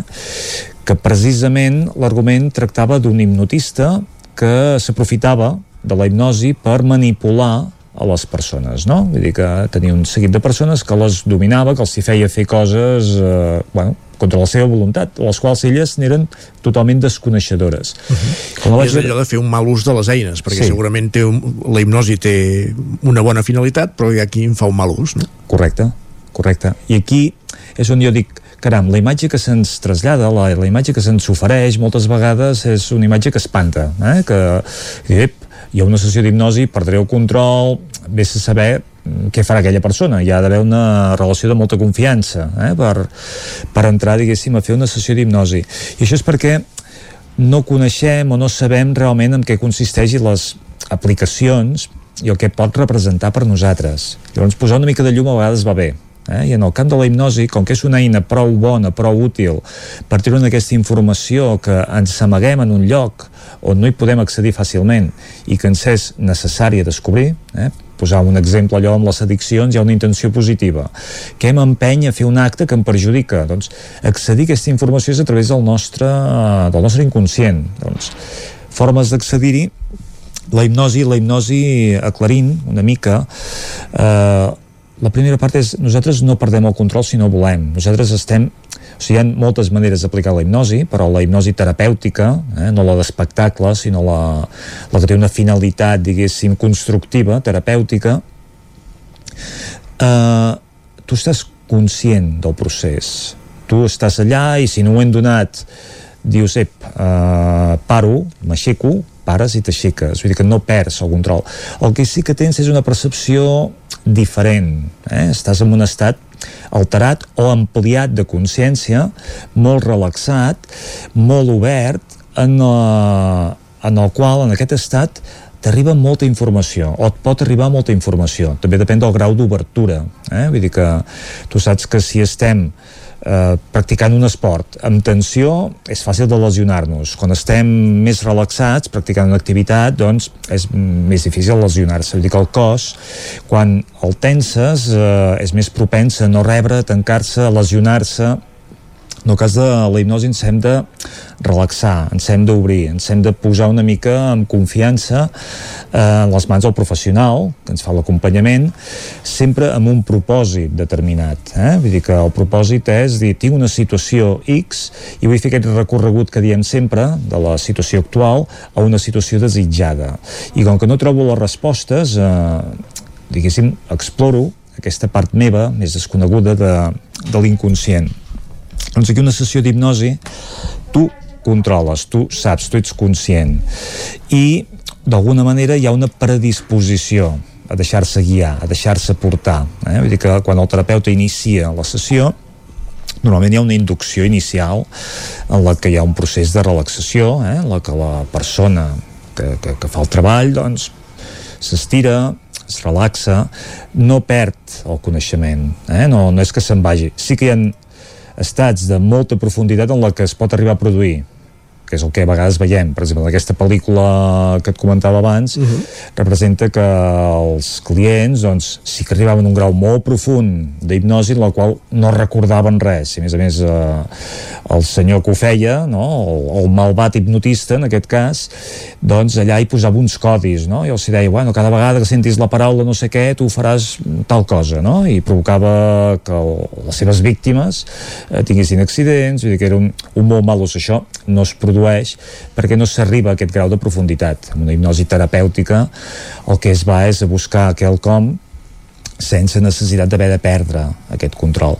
Doncs aquest, aquesta inducció que passa moltes vegades per una etapa inicial de relaxació corporal i una visualització en la que d'alguna manera obrim obrim aquest camp, diguéssim, de, de connexió cap, a, cap al nostre inconscient i un cop eh, hem acabat aquesta visualització ens endinsem en dintre i ens posem una mica a disposició del que jo en dic el que arribi eh? llavors aquí sí que no hem de pretendre la persona que, que passa per un, per un procés d'hipnosi moltes vegades són diverses sessions eh, les que es fan, una mica també per agafar confiança, coneixement, consciència del que suposa un treball d'aquest tipus. I eh, sempre, ja et dic, recordant, revivint, vull dir, quan s'acaba la, la sessió d'hipnosi, eh, la persona que l'ha que l'ha passat, diguéssim, eh, és conscient del que ha passat, eh, en gran part. Eh? Igual que en un somni, hi ha etapes que no recordem, però hi ha etapes que sí, que recordem que són les que nosaltres podem recollir, no? Diferència entre un somni i una sessió d'hipnosi? Està clar. Amb un somni, tu no intervens en res, no hi ha filtres. Simplement et poses a disposició, t'arriba una informació que tu interpretes. Amb la hipnosi, tu dirigeixes. Tu dius una mica cap on vols anar. Condueixes. O sigui, la feina del terapeuta és una mica aquesta conducció amb un focus posat, amb una direcció posada, que ajuda una mica a avançar en un terreny determinat. I dius, home, jo vull resoldre un, un tema a través dels somnis, a vegades no és tan ràpid. A vegades és una cosa que comporta un temps i no obtens tota la informació que tu voldries. En una sessió d'hipnosi això potser és més fàcil, perquè tu ja marques un propòsit, marques un camí, però el, diguéssim, la part que també s'ha de tenir en compte és que hi pot haver una, in, una, una petita interferència mental. La persona que es posa en una sessió d'hipnosi pot tenir els seus prejudicis i com que tu ets conscient, no que tu tens aquest petit control o aquest grau de consciència, clar, mm, pots interferir eh? pots condicionar una mica els resultats. Com més et deixes anar, més net és la, la informació rebuda, no? més vàlida és. Però la hipnosi una mica és una forma més ràpida d'accedir a aquesta part de l'inconscient, sabent i tenint en compte que l'haver-hi aquest petit component mental, a vegades doncs, bueno, hi poden haver petites interferències, no? Jo sento que tant l'un com l'altre ens poden ajudar, una mica amb el propòsit que tenim aquesta temporada de dir com ens acostem a aquesta part nostra eh? i si ho fem amb, amb una idea, amb un propòsit doncs és fàcil que desencallem aspectes nostres a la nostra vida que portem anys allò encallats, bloquejats i que d'alguna forma la resposta, la solució doncs, no és tan complicada, no és tan senzilla. Eh? Una sessió d'hipnosi podem retrocedir una etapa de la nostra vida on hi ha el motiu que ens va produir un trauma. Llavors, I atacar a partir d'aquí. Si veiem el trauma, el reconeixem, el tractem, a vegades eh, el posem en el lloc que toca, la mida que li pertoca, eh? que el nostre inconscient ens s'amaga, i, i, i continuem avançant. Uh -huh. Doncs hem abordat la hipnosi, hem parlat de la hipnosi eh, buscant finalitats positives, no aquest estigma que potser a vegades podem tenir la, i equivocadament gràcies Jordi per ser un dijous més a l'alegria interior gràcies a vosaltres bon dia, bon dia. Continua el territori 17, moment ara de fer una petita pausa. 3 minuts i tornem amb el que ens falta, amb l'R3 i una passejada pel cinema per conèixer les estrenes d'aquest cap de setmana. Fins ara mateix. El nou FM, la ràdio de casa, al 92.8. El racó de León. Gaudeix de la nostra terrassa. Vine a tastar les xuletilles de lechal a la brasa amb una bona amanida o el xuletón de vedella gallega. No et pots perdre el nostre lechada de Castilla al forn o el cochinillo a l'estil de Segovia. Tot acompanyat del millor celler, al menjador o fora la terrassa. Descobreix la millor cuina de Lleó sense moure't de casa. Vine amb la família, els amics, la parella o sol. T'encantarà. El racó de León, cuina tradicional lleonesa i de mercat. Som al carrer Torelló número 35 de Vic. Per reserves, telèfon 93 889 1950. El racó de León, una cuina diferent. Som especialistes en cargols a la llauna. Vine a tastar-los al racó de León. A Corretja tenim tot el que necessites per la teva llar. Tot tipus de paviments i revestiments, sistemes d'aïllament, cobertes, parquets, aixetes, ferreteria, pintures, fixació i cargoleria, vestuari i material de seguretat. Disposem de més de 3.500 metres quadrats d'exposició amb una nova zona exterior d'aïllaments. A Corretja som especialistes en cuines i banys. Us assessorem, dissenyem i realitzem el projecte des de l'inici fins a la fi del muntatge. 100% cuines, 100% banys. Al carrer Mas Vigues 8 de Vic, a corretja-sl.com o a Instagram. 100% materials per la construcció i la decoració. 100% corretja. A la llibreria Mater hi trobaràs material escolar i d'escriptori, llibres, revistes i el millor regal. T'esperem amb una gran varietat de novel·les, llibres d'assaig, poesia, contes i moltes novetats editorials. I per anar ben equipat a l'escola tenim motxilles, estoig, carpetes, llibretes, bolígrafs i molt més. Recorda que amb la targeta client tens descomptes. Mater, llibreters amb vocació des de 1957. Llibreria Mater. Ens trobaràs al carrer Pla de Balanyà número 23 de Vic i a mater.cat. Tenim quaderns de vacances i les novetats amb motxilles i estoig de la marca Kipling. T'esperem. Saps què és el confort intel·ligent? És tenir un terra radiant Giacomini a casa. Benestar que no es veu, però es nota tot l'any. I que pots controlar a distància des del teu mòbil, estalviant energia i diners. Suma't al confort intel·ligent amb Giacomini. Informa't a giacomini.es o truca al 93 884 1001 i t'ajudarem a tenir un terra radiant a casa o a l'oficina. Giacomini, la climatització que et mereixes. Anuncia't al 9FM. La màquina de casa. 9 3 8 8 9 4 9 4 9. Publicitat arroba al 9FM.cat. Anuncia't al 9FM. La publicitat més eficaç. El 9FM, el 9FM, el 9FM, el 9FM, el 9FM. Territori 17. A Tren d'Alba. Cada dia els usuaris de la línia R3 de Rodalies que veuen sortir el sol des d'un vagó ens expliquen les gràcies i les penes del primer comboi que uneix Ripoll i Barcelona. Benvinguts a Tren d'Alba. Avui no fa gaire bon dia, per tant, us deixo amb la crònica directament d'en Carles Bassaganya perquè ens alegri una mica més, si pot, clar. Bon dia, oients.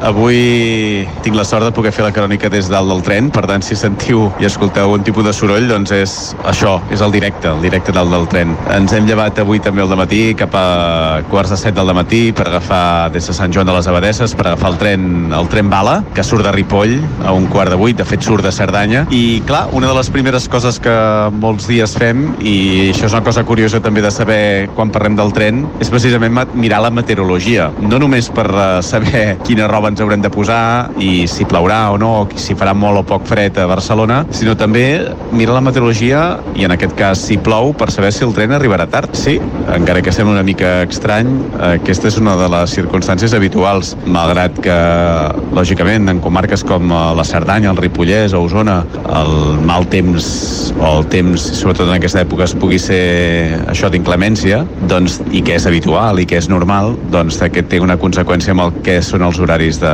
del tren. Per tant, dia de pluja, igual habitualment eh, a demores. Bé, avui no en serà una excepció. Avui el tren ha arribat tard a Ripoll i arribarem també aproximadament uns 10 minuts tard a, a Barcelona. Bé, una cosa curiosa també saber. Meteorologia, horaris, tren, és la realitat. Res més, que sigueu feliços, bon dia.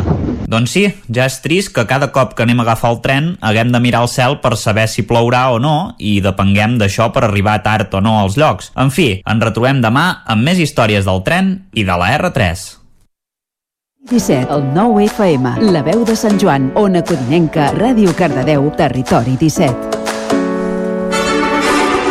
I és moment d'anar al cine des de la veu de Sant Joan amb en Joan Garcia i en Gerard Foses per conèixer la cartellera els propers dies, Joan.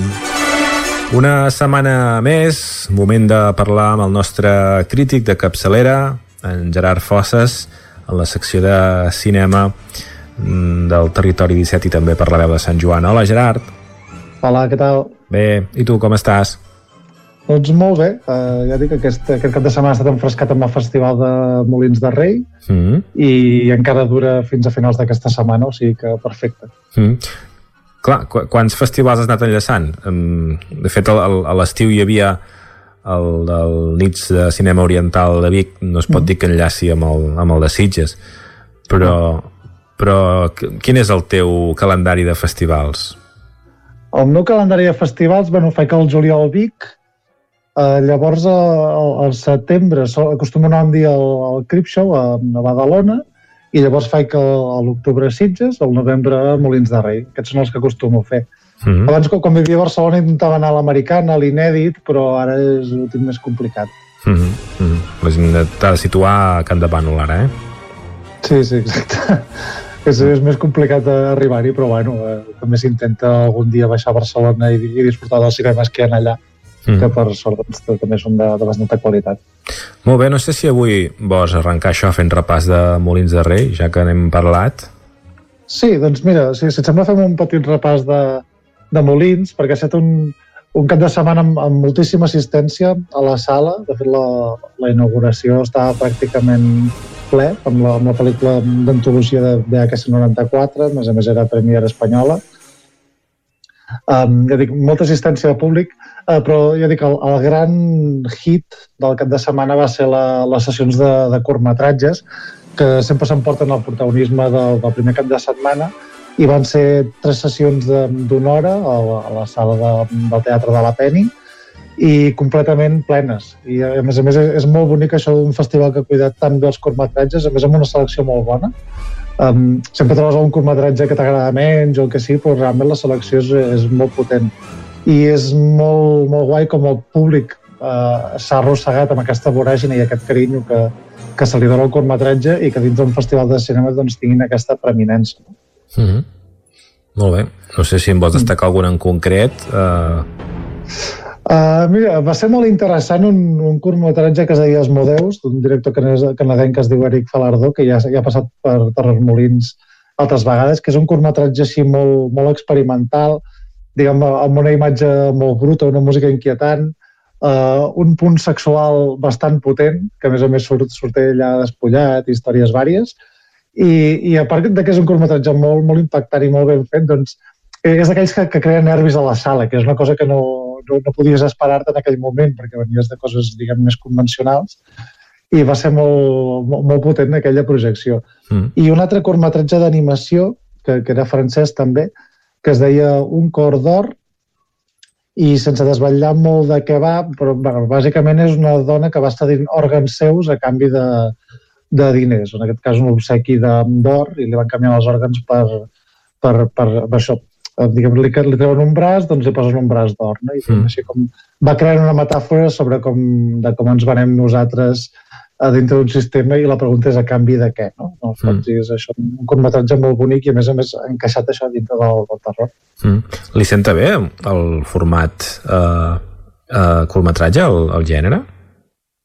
Uh, la veritat és que sí, perquè és, és l'oportunitat Sí, al final hi ha diferents maneres de fer un curtmetratge. A vegades es fa per demostrar que pots dirigir una pel·lícula, no? i fas una, intentes fer una cosa com més pomposa, demostrant que saps gestionar un pressupost elevat, um, saps col·locar bé la càmera, fer coses més o menys espectaculars, o l'altre que és que, que fas directament un curtmetratge i, i ensenyesses el format no? de història tancada, de fer una cosa més atrevida i experimental, i, i dintre d'aquest sentit doncs, el, el cinema de gènere doncs, sempre convida molt a, a explorar nous horitzons, a posar-te més creatiu, a ser més atrevit, a ser més radical, i per això crec que el, que el curtmetratge funciona molt bé. Mm. Hem parlat de, de la secció oficial, però també hi havia la secció Ser Trencada, que és selecció de curtmetratges catalans, que també estava molt bé, i la secció Terror Kids, que també era una sessió de curtmetratges de terror, més o menys, però per, per, per nens en aquest cas. O sigui que, que realment hi ha molt bona salut, hi ha molta oferta i per això s'ha de reivindicar que un festival com, com Terror Molins doncs, um, serveixi de plataforma pels curtmetratges. A més a més, recordem que el premi més important que dona Molins de Rei és el Premi Malies de Plata, els curtmetratges justament que això et dona peu a, a ser nominat als Oscars, per exemple. O sigui, mm. que és, eh, diguem que és un festival molt, molt potent en aquest sentit. Mm. Més enllà dels curtmetratges, no sé si vols destacar alguna altra cosa.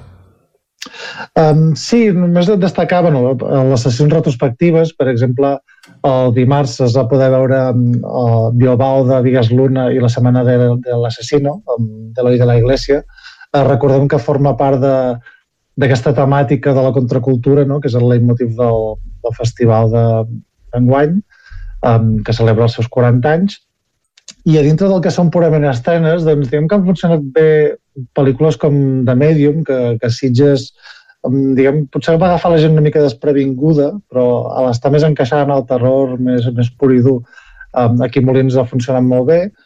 També una pel·lícula europea, que és més aviat ciència ficció distòpica, no? amb quatre històries separades, que es titula Undergods, eh, que és d'aquest tipus de, de producció que funciona bé Molins perquè és d'un caràcter eh, més independent, també més radical amb les seves propostes. No? Per exemple, una d'aquestes quatre històries és més estil Funny Games i també ha funcionat molt. De totes maneres, els plats forts han de venir ja a partir d'ara. Se segueixen fent sessions dobles, però, per exemple, tenim The Scary of 61st, que es podrà veure el dijous també a la sala de la Penny, i, òbviament, la marató de les 12 hores de, de terror, eh, que comença dissabte a les 8 del vespre, s'acaba diumenge a les 8 del matí, i hi ha pel·lícules com, per exemple, The Sadness, que és, és una pel·lícula així postpandèmica, perquè també parla d'un virus que, que evoluciona, no? i és una pel·lícula que destaca doncs, per la seva violència radical. Una història de terror així més, més clàssica, familiar, que es, que es diu We Need to Do Something, o, per exemple, um, la pel·lícula que tanca la marató és una pel·lícula que, que és un remake d'una pel·lícula de, de Roger Corman de l'any 82, que es diu Slumber Party Massacre, que bàsicament és una festa de pijames que acaba amb, hi ha una sèrie per allà, no? que és com una reivindicació de, de l'eslasher d'explotació de tota la vida, no? Una, mm. amb el seu caràcter més, més divertit. Mm. O sigui que tenim per davant una marató que, que pot ser bastant potent. Mm. Per cert, que, que hi vàrem veure eh, a través de, la, de, de les xarxes socials que, que hi va participar també el, justament el, el cinema de, de nits oriental de, de Vic amb en Quim Cruselles, oi? Sí, són aquestes col·laboracions que, que últimament es donen molt entre festivals, gràcies a, a la plataforma de Catalunya Film Festivals, i, i es creen aquestes sinergies. No? I, uh, es va passar a Vic la pel·lícula de Maid, que era una pel·lícula de terror que també ja venia padrinada justament per Terror Molins, i la mateixa pel·lícula doncs, s'ha doncs, projectat al Terror Molins, en aquest cas apadrinada pel, pel Nits de Cinema Oriental, i que va presentar Quim Cruselles, que per cert també va participar en el festival doncs, realitzant un, un taller aquí a títol personal per, per nens per, pel rodatge de curtmetratges de terror i va, va tenir un, un bon èxit d'assistència, em sembla que amb, amb més de 25 nens, segons em va dir. Mm -hmm. Molt bé. Doncs, si et sembla, ara si ja anem a les estrenes de, de la setmana, explica'ns què tenim. Mm -hmm. Uh, mira, doncs aquesta setmana venim amb estrenes amb, amb segell espanyol. Uh, començarem per la primera, uh, que, és, que és pel·lícula catalana, nova pel·lícula d'Agustí Villaronga, uh, que es titula El ventre del mar. primer de tot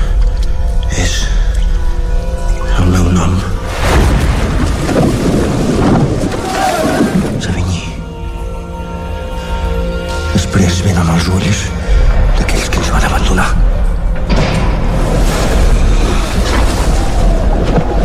Tercer, un pensament. Quart, la nit que s'acosta. Cinquè, aquells cossos destrossats. Sisè, la primera proposta és catalana, com podem escoltar. Explica'ns. A veure, és una proposta molt radical d'un cineasta, autor eh, molt radical com és Agustí Villaronga. Um, és més conegut per, per Pa Negre, segurament, que és la, la seva pel·lícula més convencional, juntament amb, amb Incerta Glòria.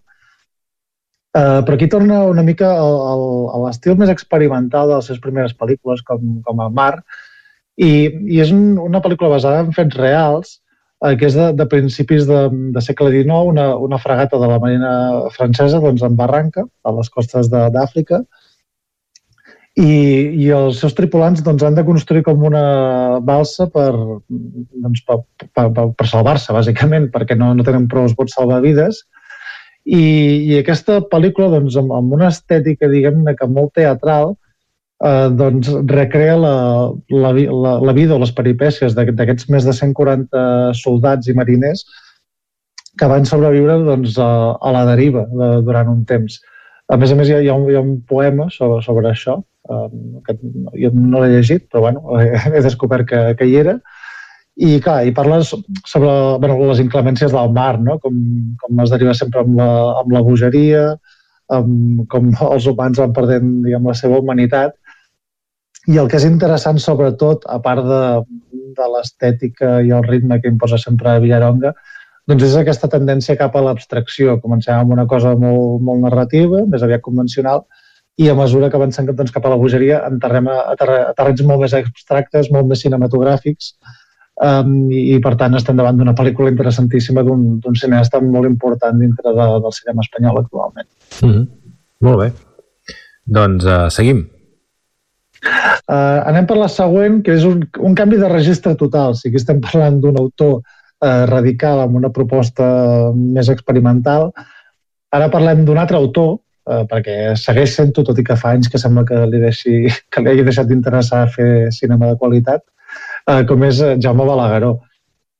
En aquest cas, no és que, no és que sigui una pel·lícula de mala qualitat, però estem parlant d'una proposta eh, 100% comercial, eh, molt funcional, i, i en aquest cas, òbviament, cinema molt entretingut. Eh, la, la pel·lícula es titula Way Down. Soy Walter Morland. Soy el propietario de un negocio de rescate de pecios y te ofrezco un trabajo. Quiero que me ayudes a entrar en la cámara acorazada del lugar más seguro del mundo. ¿Por qué cree que haría algo así? Porque no solo busco la solución a un problema, sino que ni siquiera sé cuál es el problema.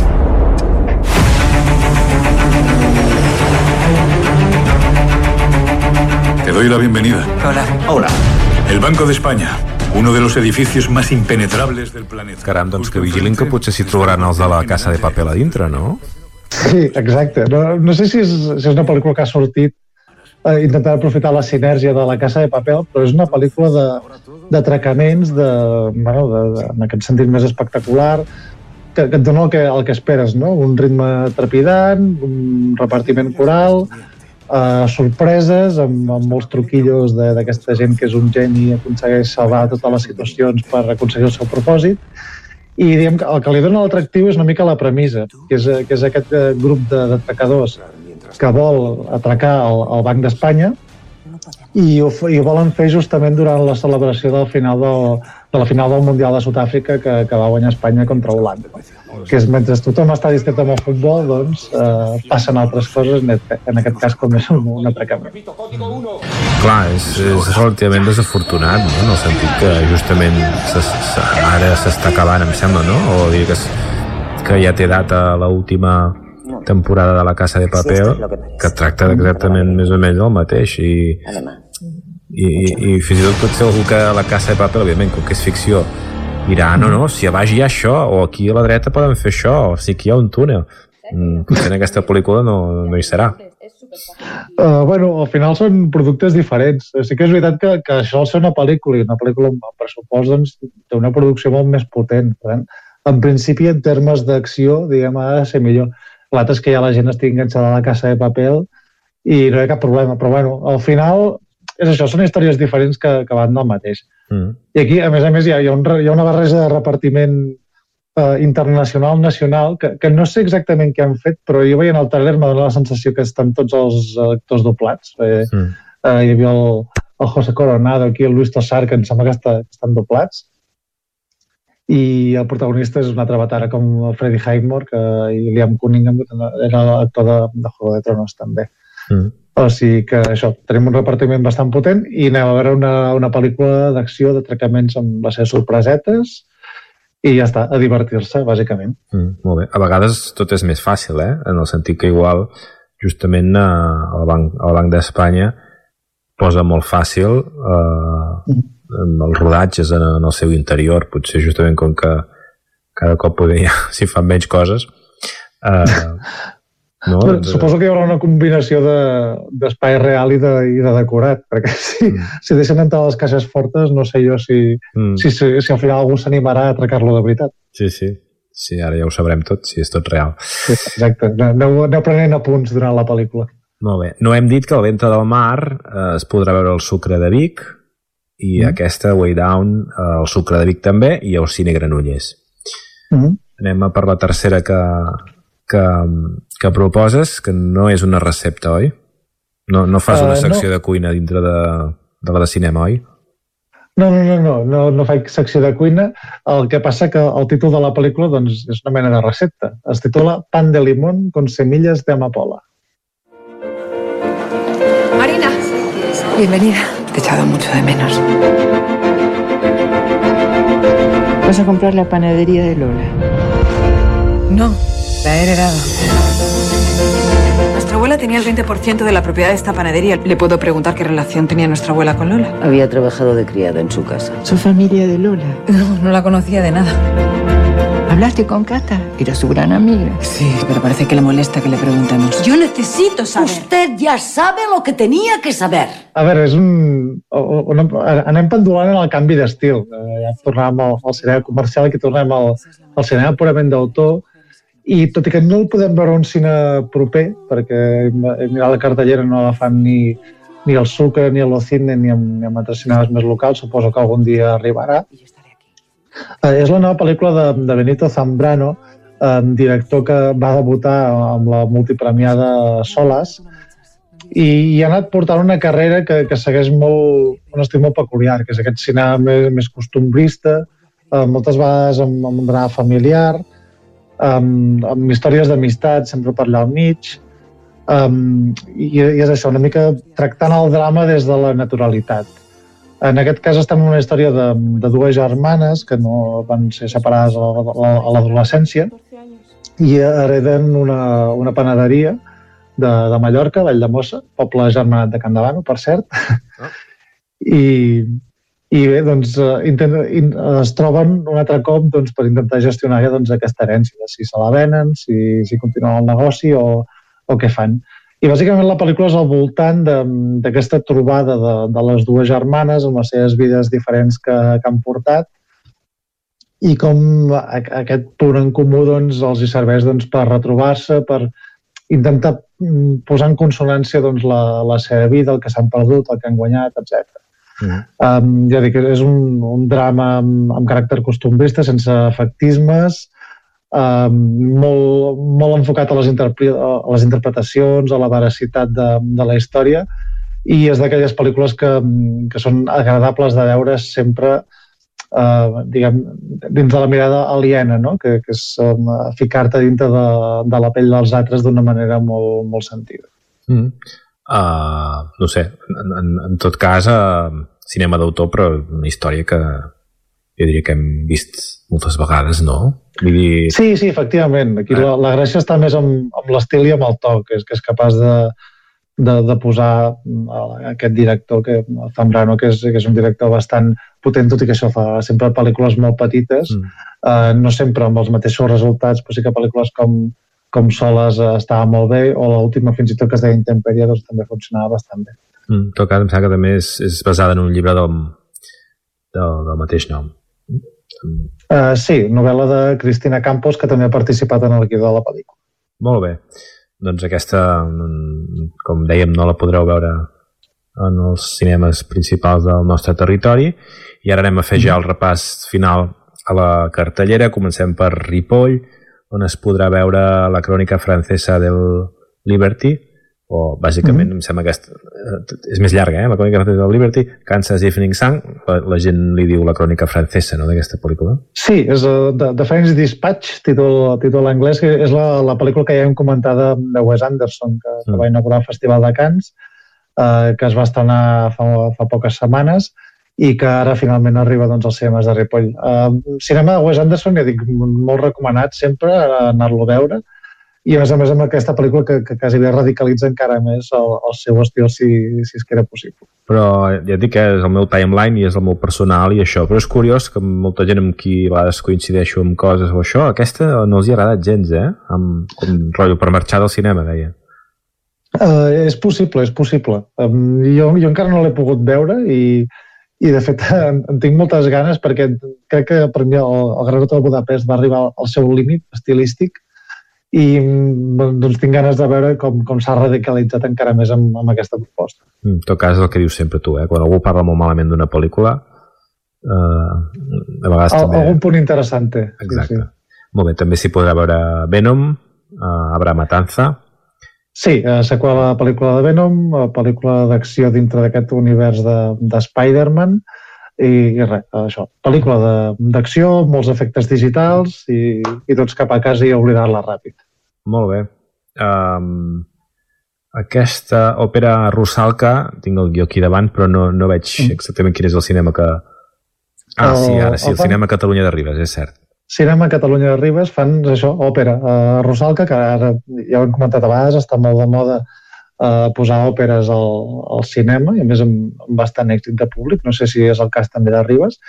Uh, però bàsicament Ro- Rosalca és, és una versió de, de la Sireneta, del conte de la Sireneta, uh, passat a òpera, i, i en aquest cas la, la protagonista no, no és una, una sirena, és una ondina, em sembla que és, és una criatura del bosc, però, però la història bàsicament és la mateixa, o sigui que crec que, que la gent estarà situada en això. Mm -hmm.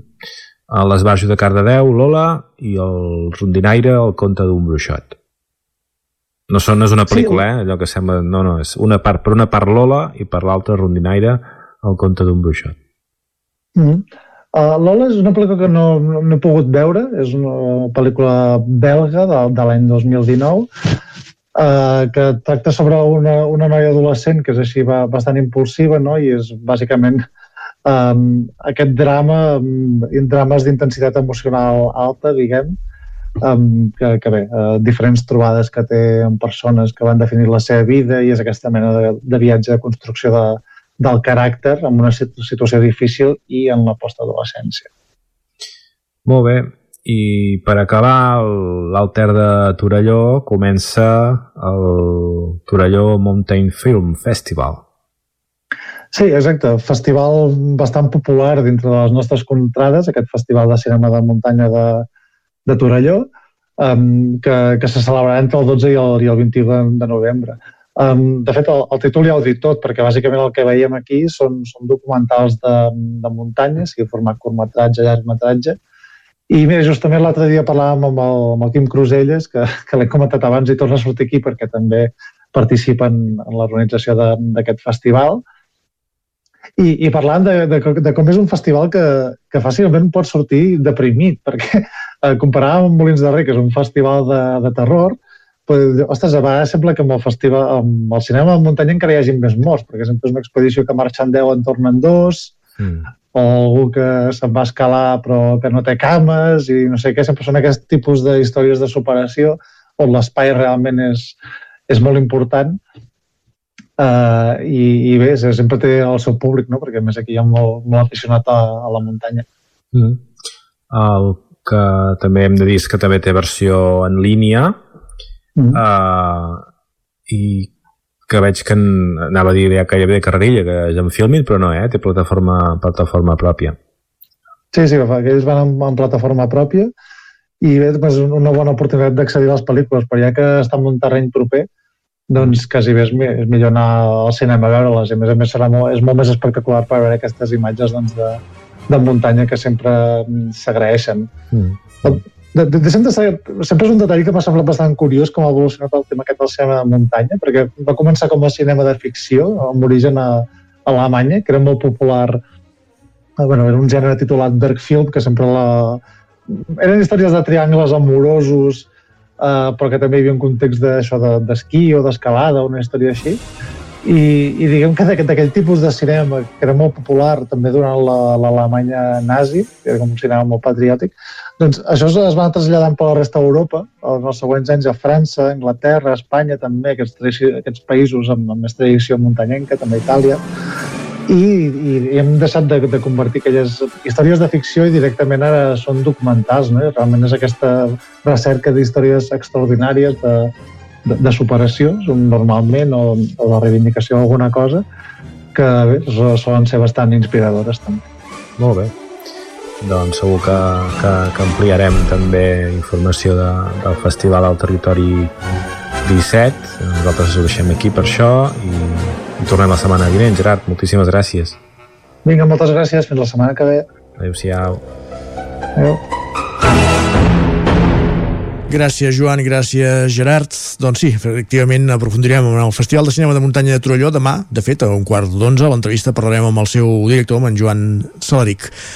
Com dèiem, acaba aquesta secció dedicada setmanalment al cinema amb en Joan Garcia amb en Gerard Foses i el que fem també nosaltres pràcticament és tancar la paradeta avui dijous 11 de novembre de 2021.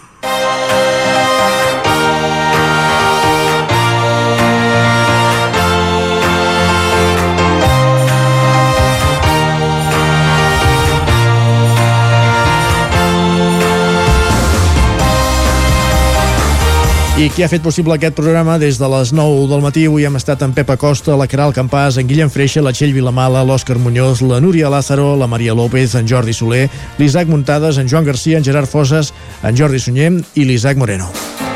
I tornarem demà, a la mateixa hora, serà divendres. A partir de les 9 del matí tornarem a ser aquí amb tota l'actualitat del Territori 17.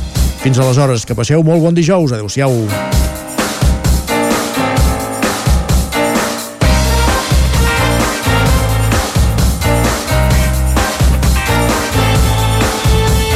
Territori 17, un magazín del nou FM. La veu de Sant Joan, Ona Codinenca i Ràdio Cardedeu amb el suport de la xarxa. El nou FM